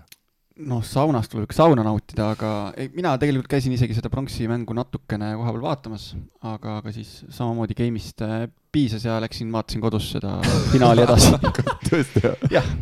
aga me tuleme selle Rockseeri juurde. küsimus, mis minul on siin äh, mõtteis olnud, kui me räägime Tartu Bigbankist ja nende uuest hooajast, äh, Alar Rikberg ka ise andis märku, et sellist võistkonda ei tule, ei saagi tulla. aga milline võistkond võiks tulla? me teame, et Gert Toobal ütles, tema on jätkamas, nelikümmend kaks aastat vanust, järgmisel hooajal nelikümmend kolm, aga mängib hästi ja ja ei ole põhjust äh, lõpetada, Mikko Esko meil samasugune näide on ju Soomest, äh, Toobalist vanem ja mängib finaalis ja, ja on seal ikkagi oma võistkonna vaieldamatu liider. Mm, meil on teada, et Rikberg, ma arvan, ilmselt pigem jätkab, ei tulnud vähemalt seda loobumist, ma arvan, et Rikberg on ikkagi nii ka selline mm, ekstravagantne inimene, et kui ta oleks vähegi mõelnud lõpetamisele, küll ta oleks seda välja kuulutanud.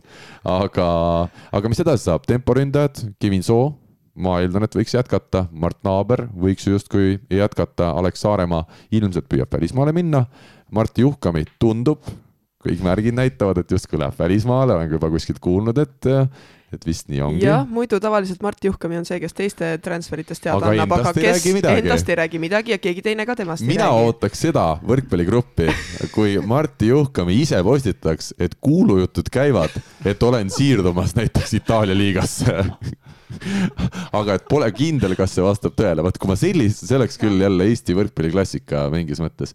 Äh, ja Albert Hurt on selge, et ta on minemas äh, välismaale uueks hooajaks, et kui me seda põhikoosseisu vaatame, kes võiks olla nurgaründajad, kui me arvestame, et Juhkami ja Hurt peaksid ära minema, kuigi ma toonitan, et see Juhkami lahkumine, see on hetkel veel selgelt spekulatsioonide äh, tasemel. mina ütlen, Keit, Keit Pupart tuleks tuua Eestisse tagasi seda nagunii, aga tegelikult. sa oled juba pannud talle mingi auto järele, mis peab ta tagasi tooma, kaubiku. ei, ta saab, ta saab ise. talle medali kaela siin eelmine nädal, nii et äh, aga ta veel jätkab hooaega. nii. suur poiss leiab ise kodutöö üles. aga kui sa nüüd niimoodi ette loed, tegelikult Tartusse ju jääb päris normaalne tuumik järgi. eeldusel, et jah, minu ja, ütleme, ideed ei, ei et, ole valed. sealt paljudel meestel, kes on piisavalt vanad, ei ole põhjust kuhugi enam rändama minna, ütleme seal Kevin Soo võib-olla tõesti naaber ka enam ei, ei hakka lahmima. Kordast kui... me ei puudutanud muidugi praegu veel. jah, Kordas, aga mulle tundub, et Kordas on natuke pikem projekt, et tema võiks ju ka jätkata. tema võiks ka jätkata, nii et me hakkame saama tegelikult põhikoosseisu peaaegu kokku juba. nurka paneks Taavet Lepikule, las ta jääb. ja, ja Taavet Lepik ei ole üldse halb variant, ma arvan, aga Taavet Lepikul on see konks seal nime järel jah, just, tärniga. kaua ta on terve ja kui, kuidas ta püsib äh, vormis, et, et seal on kindlasti ei saa Tartu ainult kahe mänge, ütleme sel hooajal Mart Juhkam ja Albert Hurt, okei okay,, mõlemal oli ka jamasid teatud hetkedel, aga noh, nad suure osa hooajast ikkagi kandsid ilusti ära. just, ja kui nad saavad ka Viidalepa näiteks jäetud Tartusse, siis aga ma julgen öelda, Viidaleppagist juba tase nagu vähemalt minule kõrvatunud, kuigi Alar Rikberg ütleb, et ta on Taavet Lepinguga juba samal tasemel. kui see nii on trennide põhjal, mängudes me päris seda veel näinud ei ole, tempos tõesti väga hästi tegutseb, aga noh, nurgas ta jääb selgelt ju Juhkami ja Hurda tasemele alla. et ma julgen öelda, et Lepik on täna tasemelt ikkagi oluliselt lähemal nii Juhkamile kui ka Hurdale. jaa, aga noh, igal juhul kedagi niikuinii võistkonda juurde vaja, et äh.... Kollo, Tartumaa mees why not? aga selline nagu Oliver Lüütsepa intervjuu Võru võrkpalliklubi peatreeneri ametiosas. Taavi, sa ilmselgelt tead midagi rohkem ja äh, no Kolloga sa ikka suhtled mingil määral. ma olen temaga kunagi kokku puutunud äh, põgusalt aga ei, ma võin öelda jah, et kindlasti ta on niisuguses vanuses, kui ta iga, iga aasta Eestis, ma arvan, enamus võistkondadega mingeid asju räägib või, või mõtleb, aga ma arvan küll, et tal on vara veel tulla ja. et ta jääb välismaale? kas isegi midagi muud või, või mis tal seal Soomeski nagu väga viga on, et ta on ju tegelikult saanud sealt käia päris palju Eestis äh,, ei ole väga kaugel käia äh,. kui pakkumine on okei okay,, et siis võib-olla võib-olla ta ei, ei hakkagi rapsima isegi, et, et ma arvan, Kollot ei, ei tasu veel sinna Tartu nimekirja lisada. aga minule tundub, ma, ma, ma ei tea, seal on kindlasti inimlikud äh, asjad, kes kellega klapib ja nii edasi, aga Keit Pupart äh,, arvestades seda, et Keit on tänu sellele, et ta on aastaid välismaal mänginud, tal on suhteliselt ilmselt kõrged ootused, kuna mängu kvaliteet on äh, hea jätkuvalt äh, palga osas, et kas mulle tundub, et täna Tartu võib-olla järgmisel hooajal on ainus võistkond, kes suudaks Pupartile nüüd pakkuda sellist raha, et Pupart oleks nõus tagasi Eestisse tulema kuule nüüd sa paned juba Puparti, sa paned Kollo, pane sinna Venno ka veel ja siis on juba, Alar peab juba enda sõnu sööma, et, et võistkond on juba tugevam kui see aasta, et et seda ta ei saa ju teha, kui, kui see aasta niisugune lause aga ma arvan, et eelarve tegelikult äh, jah, eelarve ju me ei tea seda, seal on kindlasti palju veel läbirääkimise kohti, me teame, et Bigbank on nende suurtoetaja edasi, aga mingi, kes need kõrval on ja kui palju? mingi põhisumma on neil tegelikult olemas, et selles mõttes on neil, neil kindel tunne aga jah, kui me saime tegelikult lugeda siit ette juba nii palju mehi, kes tõenäoliselt jätkavad, siis see on juba suur-suur pluss neile ja jah, võib-olla Rait Rikberg ikkagi mingi küsimärk seal peab, peab olema alati, et kas, kas ta ikka püsib terve, aga aga ma usun, et kui tal on äh, kõrval selline mees nagu Gert Toobel ja keegi, keegi vanadest meestest veel, et siis, äh, siis on tal ka motivatsiooni jätkata ma ikkagi tahan seda elevust tuua võrkpallimaailma, mulle tundub ka inimesed, kuulajad vist äh, Nii. huvitub see, et kes, kes need on, need mehed, kes võiksid olla, et ma lihtsalt ütlen täna seda, et Tartu Bigbank ilmselt ka järgmisel hooajal ja, ja suvel läbirääkimisi pidades on number üks klubi Eestis nii pakkumiste osas kui ka selle organisatoorse poole pealt. et äh, nemad saavad täna valida omale Eesti mängijaid. just ja tõenäoliselt tahavad nad jätkata samas stiilis, et neil on eestlased, et äh, kes meil on tagasi tulemas, võib ka juhtuda, et hakkab keegi võib-olla suve lõpus järgi jääma, et, et siis on Tartu see, kes võib-olla üles korjab mõne mehe. kuigi Tartu viimaste aastate, ütleme, retoorika on olnud see, et pigem on kevadeks juba võistkond koos ja, ja neid enam suve lõpus ei, ei mahu lihtsalt võtma aga noh, me võime rääkida siin Tallinna Selverist, Oliver Orav. ja ma tahtsin just öelda, et Selver on nagu nendest võistkondadest selline, kus kus võiks öelda, et nagu või noh, ma ei tea, mängijad tahaksid pigem, ma arvan, võib-olla lahkuda, vähemalt sihuke mulje jääb kõrvalt, et võib-olla sees on tohutult hea sisekliima ja kõik toetavad teineteist, aga lihtsalt väljapoole paistab hoopis midagi muud ja ja läbi selle, kuna ka hooaeg noh, vähemalt esimese pronksimängu tulemuse põhjal on minemas noh, jah, lõppemas viimase kohaga siis Eesti meistriliigas, siis loogiline oleks, et sealt võiks ju mõne mängija võtta, noh, Alvar Rikberg on öelnud, et mõnda mängijat on ta kunagi vähemalt oma võistkonda ka tahtnud, Timo Lõhmust pean silmas, aga aga kas ta ka täna seda mängijat enda võistkonda tahab, on omaette asi. ja no järgmine teema on jälle see, et kes kus elab ja mis põhitööd teeb, et Oraval me teame, ei ole võrkpallimäng põhitöö, et kui ta ikkagi Tallinnas on oma muude asjadega seotud, siis ei pruugi see isegi kõne alla tulla, et ta kuskile Tallinnast välja läheb. aga ma ei välistaks ikkagi seda, et Tartu, ma ei tea, ühe või kaks välismaalast endale võtab, et Nad on ju, seal on olnud ju neid varasemaid. aga mulle tundub täna, et kas on vajadust, minul lihtsalt tundubki. ma arvan ka vajadust ei ole, pigem on ju vaata ka, ka mingitel varasematel kordadel on olnud sellised, no ma ei ütle, et juhuslikud, aga sellised suht õnnelikud leiud on Tartul olnud siin. mul ei ole kõiki nimesid meeles, aga, aga ma mäletan ühte lugu, kuidas Rikand rääkis, kus ta mingit videot vaatas ja siis järsku äh, oli, oli mees, kes lõpuks oli Eesti liiga üks parimaid äh, mehi, ma ei tea, kas see oli austraallane või kus, kuskilt kaugelt või oli Kanadast, ühesõnaga keegi, keegi oli siin mingid aast-, X aastat tagasi, võib-olla isegi Taavi mängis sel ajal, et. Äh, Kantor oli hea äkki või? ma ei, ma ei julge praegu, ma, kas... ma mäletan, et ta midagi rääkis, aga kes see täpselt oli? ma ka ei mäleta, kust, kust, aga noh, siukseid ühekordseid projekte, et no lihtsalt see ei tohi ka Tartule nagu minna, ma arvan, eelarveliselt koormavaks, et praegu on lihtsalt äh, sõja tõttu on Ukraina mängijaid laokil ja noh, ma näen seda jalgpallis, et nad otsivad tööd ja, ja mitte ainult Ukraina, vaid ka Ukraina liigas mänginud mängijaid, mitte ainult ukrainlasi. et võib-olla see on natuke ka turgu segamini löönud ja võib-olla sealt on võimalik. Tartu korvpallimeeskond ühe ukrainlase omal juba võttis mängu. ja, ja ka jalgpallis on mitu, mitu ukrainlast tulnud või siis ka Ukrainast Eesti mängijaid tagasi, eks ole, et Joonas Tamm siin ja, ja Mihkel Ainsalu aga tuleme nüüd siis selle pronksiseeria vastu, õnnitleme veel kord Tartu Bigbanki kulla puhul ja jätkuvalt ma arvan, me saame õnnitleda ka Pärnu võrkpalliklubi hõbemedali puhul Üks.... kas me lahkame ka võib-olla Pärnu võimalikku koosseisu või on see liiga? jaa, ei, seda küll jah, kui me suudame siit, suudame siit veel öelda, no Toomas Jasmin siis kõigi eelduste kohaselt peaks saama peatreeneriks. ma saan aru, et meil on nagu meistriliiga sihuke olukord, kus me teame, et Pärnu peatreeneriks saab Toomas Jasmin ja et Võru treeneriks saab Oliver Lüütsepp, aga lihtsalt nagu. kas me teame seda viimast asja ka? ei, ma nagu, ma, ma küsin, et kas see on niimoodi, et, et, et samal ajal me ei ütle siis nagu seda, noh, ametlikult pole veel lihtsalt nagu välja öeldud, mis on nagu loogiline, et ega ei peagi ütlema enne, kui hooaeg läbi on, aga lihtsalt, et tundub nagu nii minevat ju. tundub või... nii minevat, jah. no meie asi on siin natuke see, selles mõttes provotseerida ka, et äh, jube igav oleks seda saadet teha nii, et me räägime ainult sellest, mis äh, lehes kirjutatakse, et siis äh, kas meil on üldse siin mõtet kokku tulla? jaa, üks mõttekäik oli veel, ma ütlen vahele ära seoses finaalseeriaga, mis mul tuli praegu meelde keegi viskas õhku sellise mõtte, et kuna Alar Rikberg kuulas ka seda viimast saadet, kus see Taavo keel oli, siis see kolmas finaalmäng, kus tartlased läksid väljakule nii, et tempos oli Siim Päid, kes on võistkonna neljas tempo ja Tamur Viidalep, kes viimati mängis tempona noorteklassis. et kas kuna Aavo väga palju ei kiitnud Alarit kui treenerit veel seni, ütles, et siin on pikk maa minna, tuleb ka rasketest olukorrast läbi minna, et viis aastat ja siis vaatame. et võib-olla Alar tegi sellise ninanipsu ja panigi kaks sellist äh, tõsist mitte siis põhitemporündajat platsile ja näitas, et näed, Aavo, me võime sel aastal Pärnut võita ka sedasi, kolm-null. et äkki tegi enda võistkonna olukorra raskemaks, et endale natuke krediiti saada, sest teadis, et nagunii tuleb ära. sest minu arust Alar Rikberg ja Aavo Keel on mõlemad sellised väga, väga ütleme, nutikad sellid, kellele meeldib ja ma arvan, et ka võrkpallisõpradele meeldib selliseid väikseid ütleme, omavahelisi duelle vaadata ja, ja teha, et ma ei, ma ei väida, et see on tõsi, aga selline selline küsimus sai õhku visatud. no kui see nii oli, siis tõesti, kuna Märt Roosna ka täna, täna kirjutas, et äh, mõtleb, et võib-olla tegi selle keeleraamatu ikkagi liiga vara, et sellest oleks hea peatüki sinna saanud lisaks äh, naiste treenimisele siis kindlasti. osad ütlevad, Kelly Sildaru raamat sai liiga vara, aga nüüd tuleb välja, et Kaavo keeleraamat sai võib-olla liiga vara tehtud. alati saab Keel teha saab järje. ka, Roosna võib-olla kohtusse kaevata nüüd selle, et, et ei olnud need edasised karjäärikäigud äh, äh, siis, kuidas öelda, et viimane peatükk kirjutamata jäi. just, jah. ja vaata, selle nalja tõi praegu naisterahvas meil siin nagu välja, mitte kolm keskajale lähenevat meesterahvast, et meid ei ole õnneks võimalik ka, õnneks võimalik ka süüdistada nagu. keskeale, ma olen praegu parimas eas. aga te lähenete paratamatult ju, neljandas kümnes ei ole me kõik läheneme. surmale läheneme ka kõik iga päev. täpselt, iga päev, kuidas see Terminaatori laul on, et iga elatud päev on juunikuus lumi on, aa ei, Ei, ma iga- mõtlesin, see on ka tänapäeval nagu. see on ka aktuaalne, aga see on see, et iga elatud päev on samm lähemal iseenda surmale, nii et selles mõttes, et aga Pärnust me tahtis Taavi rääkida ja ma mõtlesin, et kui me, kui me selles mõttes hakkasime juba lahmima ja sa tahtsid pup, pupartit panna kuhugi, siis mina paneks ta Pärnusse järgmine hooaeg. kas Pärnul on eelarvet äh, Pupartit palgata?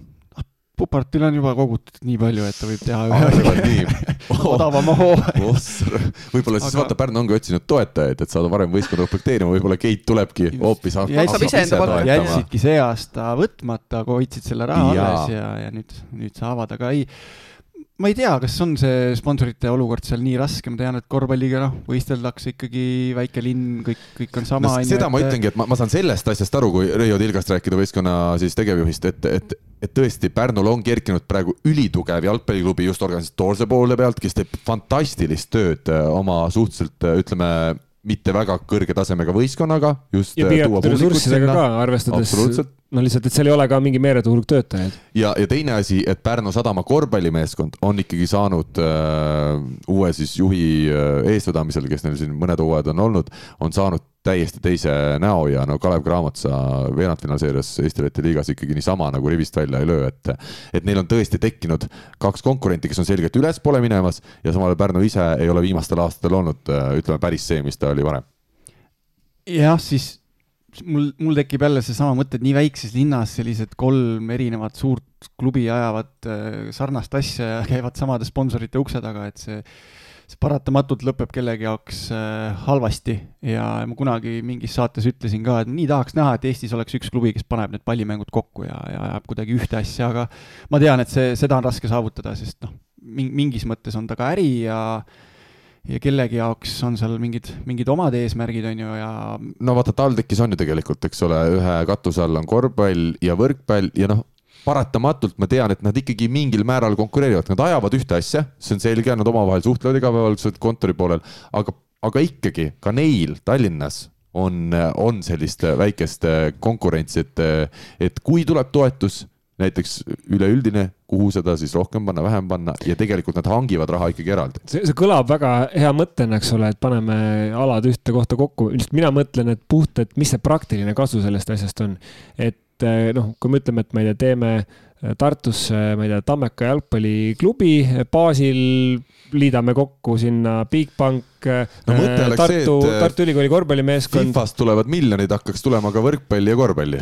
no vot, see, jaa, see on, aga see on tegelikult ilma naljata, see on ju see, kuidas ma ei tea, Barcelona või Müncheni Bayern mingis teise toimivad, on ju, nad hoiavadki seal, ma ei tea, vist käsipallid ja, ja, ja samamoodi korvpallid ja võrkpallid on seal on seal vist, vist juures, on ju, et aga, aga, aga lihtsalt, et, et noh, mõtlen Eesti tasandil, mis see praktiline kasu selles mõttes on, et, et metoodiliselt, spordimetoodiliselt, kas seal on mingisugust äh, ühenduskohta, võib-olla, mis puudutab näiteks meditsiini poolt, on teatud äh, võimalus mingeid teenuseid saada või taastusravi või ka, ma ei tea, terviseuuringud või midagi taolist, et see kuidagi võiks nagu klappida, aga ma ütlen noh, nagu võib-olla tehnoloogiliselt ka midagi on võimalik jagada, aga puht nagu sisulises mõttes ju nad noh, on hoopis erinevad spordialad. Nüüd äh, finantsilises mõttes, kas toetaja jaoks võiks olla huvitav nüüd see, et ma tulen, saan ühe paketiga korraga kolmele alale, no mis tähendab, et peaks kolm korda maksma, kolmekordse summa tegelikult maksma, kas see on realistlik, on ju, et pigem mulle esimese hooga tundub ka, et nagu ei ole pigem realistlik et äh, võib-olla sünergiat ma oskaks leida nendes ülikooli äh, võistkondades, nagu sa tõid seal TalTechi või Tallinna Ülikoolis ka, aga minu meelest need võistkonnad on lihtsalt moodustatud nagu.... ma ütlen, Tallinna Ülikoolis see sünergia küll puudus. ei, ma ütlen, ei puudubki, puudubki, puudubki, ma ütlen, et need võistkonnad ongi moodustatud hoopis teistsugustel alustel, et seal ei olegi nagu seda, et, et ülikool tsentraalselt koordineeriks, ülikool annab oma nime, ma saan aru, ja ta annab tasuta, tasuta saalid ja midagi siukest, aga sisu seal nagu ülikooliga taga ei ole. ma toon naljaka näite, ma sel hooajal, kui veel klubi liige olin äh, esiliigas, siis Tallinna Ülikoolis, siis äkitselt oli Facebookis vist vahetatud see Kaane pilt, enne oli vist meeskonna pilt, siis äkitselt olid naised pannud vist oma pildi ja midagi sarnast oli seal, et see oli ikka, juhtus küll päris palju, et, jah, need olid täitsa teistmoodi, erinevat moodi üles ehitatud võistkonnad ka, üks oli, üks oli siis selline sõprade punt seal esiliigas meestel ja, ja naistel selline just noortele tuginev eelkõige selline meistriliiga punt, et, et täitsa erinevad kehad, aga aga. jah, aga Pärnu juurde tagasi tulles, siis äh, eelda, eeldusel, et Jasmin sinna peatreeneriks läheb, noortega väga hästi hakkama saav treener, miks mitte teha selline noorem võistkond. ma pakuks lihtsalt mingisuguse sisetunde järgi, et äh, võib-olla TalTechist paar meest oleks huvitatud Pärnu minema, miks mitte. aga noh, lõpuks kõik ikkagi koondub sinna raha taha. aga, aga ma tahaks loota, et seal ikkagi tehakse nii head tööd, et see suvega sarnane eelarve kokku saadakse. no seda nad ise nagu tundusid küll, see oli selge nagu Pärnu sõnum, et, et, et tundub, et äh, sa-, sarnane eelarve võiks olla, et, et me ei, me ei pea pära, täna muretsema Pärnu võrkpalliklubi tervise osas just järgmist hooaega silmas pidades. aga mängijad jah, ma, ma ütlen, minul lihtsalt ei ole täna, ma võin eeldada, et Voogel on seal ja Peterson on seal ja Õue Kallas on seal ja Tammiksaar on, noh, see peaks olema suhteliselt selge. aga et kes sinna siis juurde tuleb ja, ja mil tasemel see võistkond? mina arvan, et Pupart sobiks sinna sellise vanema kogenud mängijana Jasminile kõrvale toetavaks selles mõttes meheks. Äh, ja tal ju kodu ka seal Paikuse kandis vist? Noh, vast on alles veel jah kui üldiselt mängijate, mängijatest rääkida, siis tegelikult eeldades, et nüüd vähemalt üks võistkond tuleb juurde, eeldades ükski ära ei kuku meistriliigast meestel ja et mõned mängijad lõpetavad või et mõned välismaalased lähevad ära, et siis tegelikult see tähendab, et Eesti mängijaid, uusi Eesti mängijaid, kes senimaani ei ole mänginud meistriliigas, peaks olema arvestatav hulk järgmine hooaeg. ehk siis ei tasuks peljata seda, et tuua, on need siis noored või on need kuskil madalamal tasemel mänginud mängijad praegu, et noh, me võime, meile nimede poolest võib tunduda, et oo, et kas seal taset on piisavalt või ei ole, noh, mis, mis iganes, et selles mõttes, et see tase ongi täpselt selline, nagu ta on, et me ei saa öelda nagu, et oo, et me nüüd ei, jätame siis nagu meistritiitli välja jagamata ja meistrivõistlused pidamata, sest meil on kõik justkui esiliiga tasemel mängijad, et järelikult see ongi, need, nad väärivad, nad on hetkel Eesti hierarhias tõusnudki nii kõrgele, et nad on nagu meistriga tasemel, et, et ma pigem ootaks ühe korraliku portsu selliseid uusi nägusid, keda ma ei ole näiteks isegi näinud veel mängimas kõrgel tasemel. see on tõesti omaette teema veel, eh, nende uute mängijate tulek ja, ja kui palju neid võib-olla vaja on ja kas klubid saavad üldse valida, ma arvan, et neil ei olegi enam väga valida, kui nad tahavad oma rosteri täis saada, siis see on paratamatus, et neid noori tuleb võtta, võib-olla selliseid, keda esimese hooga võib-olla ei tahaks kohe meestevõistkonnas näha, aga kui me oleme jõudnud selleni, et meil oli see aasta neli võistkonda, siis äh, meil on nüüd vaja ikkagi paar aastat ohverdada kas tasemes või, või mis iganes asjades, et tõesti mingi suurem seltskond äh, vanuses äh, ütleme seitseteist kuni kakskümmend kaks, kolm saaks, saaks selliseid natuke paremaid trenne ja ja ka meestega mängida ja, ja tõesti, peame siis lihtsalt ära kannatama paar aastat, et lo loodetavasti toimub mingi loogiline areng ja, ja paari aasta pärast on meil kuus-seitse võistkonda ja, ja sellel, see hulk ka mängijaid Võru võrkpalliklubist tuleb küll rääkida ja Parruse nimi ära mainida siinkohal, puidutööstus siis Võrumaa metsade vahel Verijärvel asub. Ja no kiitus, kuidas on tulnud ühele oma kandi siis klubile selja taha, et, et me tihti ei räägi sellest, mis roll on Bigbankil, Grade kahekümne neljal, Selveril, et see on tegelikult väga suur asi, et sellised toetajad leiduvad, sest oleme ausad ma usun, et ükski nendest ettevõtetest tegelikult ei teeni seda raha tagasi turunduse mõttes, mida nad sinna panevad, et see on ikkagi mingil määral selline metseenlus või, või tagasiandmine, selge imago või, või selline pool on seal ka sees, kui me räägime äh, erinevatest võrkpalli toetavatest ettevõtetest, aga, aga ikkagi meil tuleb olla väga tänulik nendele igal juhul ja, ja kuna meil see saade on kuidagi sihuke hüplik ja teemad äh, võib-olla muutuvad, küll me jõuame ka selle loogilise järje peale varsti tagasi, siis minul tekkis selle, selle Võru tulekuga nüüd küsimus, et äh, väga hea, üli, ülikõva, et nad tulevad, kõik on õige, aga kuidas on Eesti võrkpallis süsteem, et ma tahan nüüd meistriliigasse ja ma lähen. sa tuled nii ja nii ongi,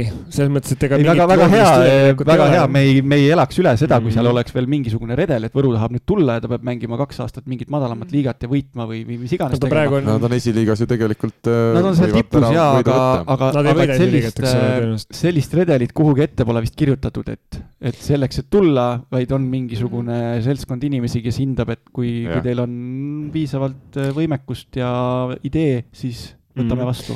jaa mulle see selles mõttes ei meeldi, mulle meeldib, et on, kui on sportlik loogika, et ikkagi esiliiga võitja tõuseb ja okei okay,, esiliiga võitja võib ka alati loobuda, mida on juhtunud jalkas samamoodi, et esiliiga võitja ütleb, et põhimõtteliselt me jõuame täpselt sama olukorrani mm., sest esiliiga paremad ju sel hooajal ilmselt loobuvad siis ja siis tulebki Võru, et see süsteem nagu jääb samaks ju.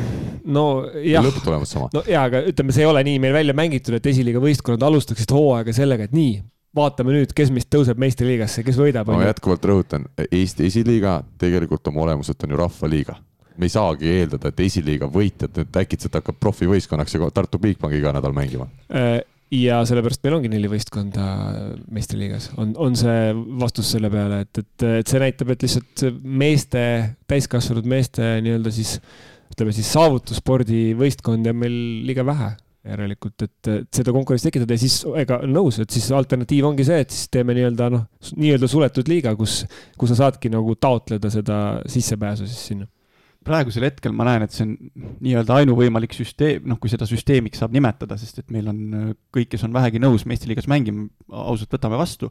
aga kui tekib mingi hetk olukord, kui viis võistkonda tahab tulla, mis me teeme, võib-olla on neil sarnane eelarve ka, ütlevad sarnase taseme välja sarnased eesmärgid. kas me võtame kõik vastu või? See on küll hea küsimus, kui selline siin... olukord tekib nüüd näiteks. jube hea, kui tekiks, on ju, aga siis..., aga lihtsalt, et et ma, ma vähemalt tahaks, et kui aastal kaks tuhat kakskümmend kaks pole meil Ikka veel äh, kuskil vastu. Äh, kirja pandud seda süsteemi, milline see ideaalis võiks välja näha, siis ma äh, loodan, et, et järgmine arengukava vähemalt seda nagu ette kuidagi näeb. tead, selle kohta mul ei ole selle vastu midagi, et on siuksed valikud ja need on nendes olukorras nagu mõistlikud, on ju, lihtsalt ma toon jälle selle jalgpalli paralleeli, et kui meil on hästi kirja pandud reeglid nagu kõikides asjades, kuidas tõusmine-langemine käib ja kui seal tekib mõnikord selline noh, ma ei tea pooleldi selline olukord, kus võib-olla ei ole päris sada protsenti kirja pandud ja kus tuleb lugeda seda reeglit, reegli mõtet nagu, siis äh, kriitika tuleb kohe, et kuidas teil ei ole nagu äh, seda kirja pandud ja asi peab olema läbipaistev ja aus ja mitte ainult olema, mitte ainult näima, mitte ainult olema aus, vaid ka veel näima aus ja nii edasi, et noh, selles mõttes, et, et eks see näitabki nagu seda natukene nagu sellist äh, noh tendentslikkust nagu nendes asjades, et siin me ei räägi sellest, et äh, siin me kõik saame aru sellest, et on noh, normaalne, tuleb mm., tuleb see, kes altpoolt rahad kokku saab ja kes äh, komplekteeritud saab ja noh, nagu, nagu, nagu tuleb, et ma, ma olen nagu nõus, et see lihtsalt küsimus on nagu konkurentsis, et kui keegi esiliigast või kuskilt mujalt hakkaks ütlema, et oo oh,, see on ebaaus süsteem, et noh, küll siis tehtakse see süsteem ümber ja küll hakatakse siis arutama, aga praegu on lihtsalt, oleme tänulikud iga võistkonna eest, kes üle, ülevale poole tulema hakkab. ja lihtsalt, lihtsalt tahaks näha, et süsteem tekib ennem kui probleem, et. jaa, nõus. keegi mainis arengukava, mul tuli meelde, et äh, see pidi vist jaanuaris tulema välja, aga praegu on aprill. ilma poolest on veel jaanuar. ilma poolest jah, kui selle, kui edasi võtta senikaua kui lumi on maas, siis on kõik hästi. selge. ja et... Võrus ma tean, sealkandis, seal Haanja kandis eriti on veel kuni, tavaliselt kuni maini rahulikult, nii et. Oli... aga nii. kui me juba rääkisime meeskondade komplekteerimist, siis ka Võru ilmselt pidi midagi võib-olla ette söötma, mis potentsiaaliga mehed seal võistkonnas on ma usun, et äh, Oliver Lüütsepa nime võis päris julgelt öelda sinna peatreeneriks, temal isegi kui ta elukohta ei vaheta, siis tal on ju Võrru sõita no ma saan aru, et see kodust Tartust umbes sama palju kui ülikooli spordihoones. võistkond hakkaks, jaa, aga võistkond ilmselt hakkaks ju treenima Tartus, ma ah, ei, ma ei usu seda, sest kuna see ei ole ju profivõistkond, ma ei, ma ei näe küll seda, kuidas nad iga õhtu siis hakkaksid Võrus trennis käima ma arvan no,, et pigem hakkavad nad Tartus treenima. okei okay,, võimalik, mõtlengi, et siis peaks hakkama üldse mõtlema, ma ei ole selle peale ka mõelnud, kes, kes need siis mehed on, et Treial kui... näiteks tuleb pähe mul kohe, kes võiks olla selline mees. no ja kui me räägime, et Oliver Lüütsepp ise, eks ole, võtaks selle peatreeneri töö üle, mis ei ole kindlasti välistatud, isegi kui see ei ole päris, päris veel kindel täna ja, ja kokku lepitud, siis see ei ole kindlasti ka välistatud, et ta ise ju vaataks ka neid Tartus olevaid mängijaid, kas, kes jääks Tartust üle, keda annaks sealt esiliiga klubist nii Võrust kui ka Tartust võtta. et, et ma arvan, et see saab olema mingil määral ikkagi Tartuga seotud nii mängijate valik kui ka, kui ka ilmselt treening, treeningute valik, kuigi eks see kõik selgub jooksvalt ja huviga ootame neid sõnumeid. Ja saab põnev olema igal juhul, kui, kui üks võistkond juures on, aga lihtsalt ma hakkasingi neid Võru mehi mõtlema, et kes siin, kellele esimesena helistatakse, noh, Robert Tähele, ma ei tea, kas on julgust kellelegi helistada mina võin helistada, kui Võru väga tahab ja nad ise ei julge helistada. mina, mina võin ka, aga et kes seda, seda nagu pakkuda, et selleks, selleks peaks Võrusse selline niisugune koht nagu Madhouse uuesti uksed lahti tegema kas Võru äh, mängiks järgmine aasta sealsamas hallis, kus nad nüüd selle esiliiga suure publiku on kokku saanud või nad koliksid spordihoonesse? ma arvan, et kolivad spordihoonesse, aga ma ei tea, kas meistrikas tohib mängida sellises saalis aga.... naised võiksid, ma arvan naised vist võiksid, aga aga.... mängisid Viljandis minu teada siin otsustasid mänge ühes väikses koolivõimles, aga no kas see Tallinna Ülikooli hall nüüd, kus meistritiitel välja mängiti, on nii palju suurem? aga mina väidan seda, ma saan aru mängijana, ma olen ka Tallinna Ülikooli seal nüüd äh, spordihoones teinud trenni ja see tõesti ei ole mugav kaitsepallide ülestoomisel, aga pealtvaatajana selle hooaja Eesti üks paremaid elamusi oli istuda seal koos veel Mihkel Uibolehega ja kuulata, kui palju ta naiste võrkpallist teab. sest teil oli istekoht meil oli istekoht, aga no kokkuvõttes inimene tuleb atmosfääri pärast ikkagi, mina, mina väidan jätkuvalt äh,, otsustab selle. ei, olen sinuga nõus, et äh,. see oli täpselt õige saal, okei okay, on..., natukene suurem oleks võinud olla nüüd selle viimaseks finaalmänguks, aga läbi hooaja on ta, ma arvan, täpselt õige, õige koht Tallinna Ülikooli Kikase kodumängudel. ma räägin selle ühe ajaloorubriigi, et kes mäletab, siis vanasti oli Äh, vana EPA hall Tartus või siis Maaülikooli vana spordihoone, mis on nüüd kirikuks taastatud, ma ei tea, kas keegi mäletab seal. on mängitud seal. vaat, see on hästi väike saal, eks ole, ka selline väike rõdu oli seal üleval ja all oli üks pingirida ja nii edasi. ja siis üks mu hea tuttav äh, ükskord äh, ühe siukses, ühe meeleoluka õhtu käigus rääkis, kuidas noh, ta on minust märgatavalt vanem meesterahvas, rääkis, kuidas ta seal mingi kahe, kaheksakümne kolmandal aastal käis seal korvpalli vaatamas ja ütles, et seal EPA hallis oli kuus tuhat pealtvaatajat. ja siis, saad aru, ma olin nagu, ma olin nagu šokeeritud, ma olin nagu keeletu ja siis ma hakkasin naerma, et nagu EPA hallis kuus tuhat pealtvaatajat, kas nad olid seal, noh, mis kujul nad seal viibisid, kas nagu mingi astraalkehadena või noh, aga siis ta selgitaski pärast järgmine päev, kui ta kaineks sai, siis ta selgitas, siis ta selgitas, et temale nagu noh, väikse lapsena või ütleme noor, noorukina tundus, et nagu kogu Tartu on seal kohal, sest et selles väikses EPA hallis, kuhu tõenäoliselt mahtus noh ma ei tea, paarsada, mõnisada mhm. pealtvaatajat võib-olla, noh, et siis talle tundus, et noh, et kogu see on nagu seal, see emotsioon mm, -hmm. mis sa mhm. saad, on sealt selline ja samamoodi on, on selle finaaliga nüüd selle Tallinna Ülikooli sellega, et emotsioon, kui ma sealt ära tulin, ma tundsin, et mul pole õhku siin enam. ma, ma, kõik on nagu inimene inimesest kinni, pealtvaatajad vahepeal siin liigutasid yeah. ennast, kui me seal Karliga kommenteerisime, siis no ühesõnaga, see polnudki, Tarmo Tiiser tuli kaameramehega, tal polnud kuskile kaamerat panna, eks ole, tükk aega võimles seal, et saaks sinna kuskile üldse selle kaamera panna, et noh ja, ja see jääb lõpuks meelde, see, et seal, see oli kakssada inimest, on ju, lihtsalt see pole oluline, sa pakkisid lihtsalt nad kohta, kus tavaolukorras on võib-olla nelikümmend, viiskümmend inimest. ja vaata, üks asi on ka veel see, et kui see inimene nüüd lähebki koju võtame sellesama Tallinna Ülikooli Kikase mängu jälgija nüüd, ta läheb koju, ta ütlebki, et uskumatult äge atmosfäär oli, täiesti mega palju rahvast.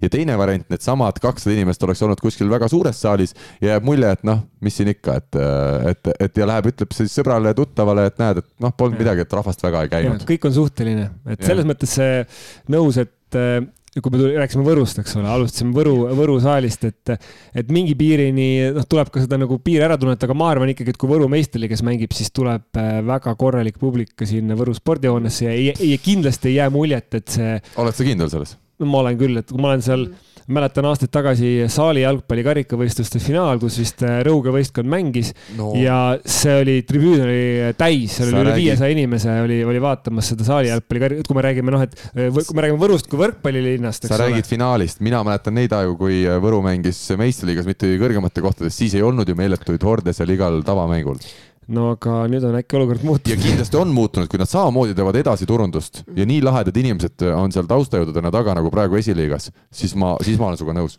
aga mul oli ka Karlile ettepanek, et me peaks minema Võrru podcast'i tegema siin lähinädalate jooksul, et mina olen igal juhul käsi, sellepärast et et, et mul on puhkus ja siis ma saan natuke vabamalt mööda Eestit liikuda. kas pärast seda Küprosele kaotamist on nüüd Jalgpalliliidus pikem puhkus täpselt, ei, mul on, mul on alati traditsioon, ma ei tea, need kõik need aastad, mis ma olen töötanud, et mul on aprillis äh, tavaliselt kaks nädalat võtan alati puhkust, nii et, et ühesõnaga läheks Võrru tegelikult ja räägiks seal kohapealsete inimestega. kui nad on valmis, ma, ma, ma ei ole kindel lihtsalt, et, et kui palju neil on täna sellist infot, mida nad saavad ja tahavad jagada, aga ei ole, ei ole halb idee. millalgi tahaksin igal juhul minna mm. -hmm Äh, jah, aga nüüd siis küll juba väga kiiresti räägime ka pronksiseeria esimesest mängust. tuleb välja, et Taavi käis siis kohapeal üks game. jah. pidasid vastu ühe game'i. sa ei näinud ühtki Matei Schmidli punkti siis? jah, võimalik. esimeses game'is ta ei toonud. ta oli täiesti nulli peal esimene. tõesti, ja lihtsalt siis minu viieaastane laps ütles, et aitab Issi? küll. jah, koju. me oleme, me oleme kõike näinud nüüd juba. selge. ja Kertu, sina vaatasid seda kodust?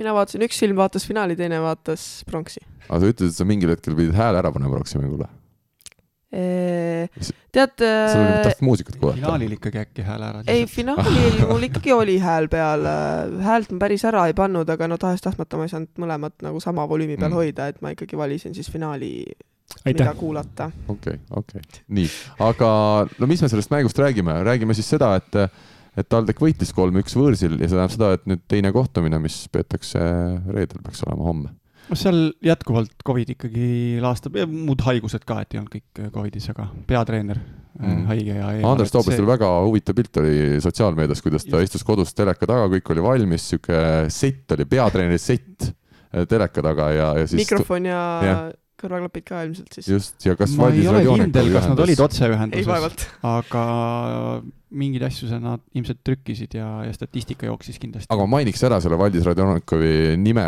ka, sest ma tean, et Rahvaliigas ta on tõesti tegemas väga, väga lahedat äh, sellist võistkonda, ta treenib mehi kõvasti teeb seal ka mingeid jõusaali kavasid, asju, et ta teeb nagu üliprofessionaalset rahvaliiga võistkonna kohta.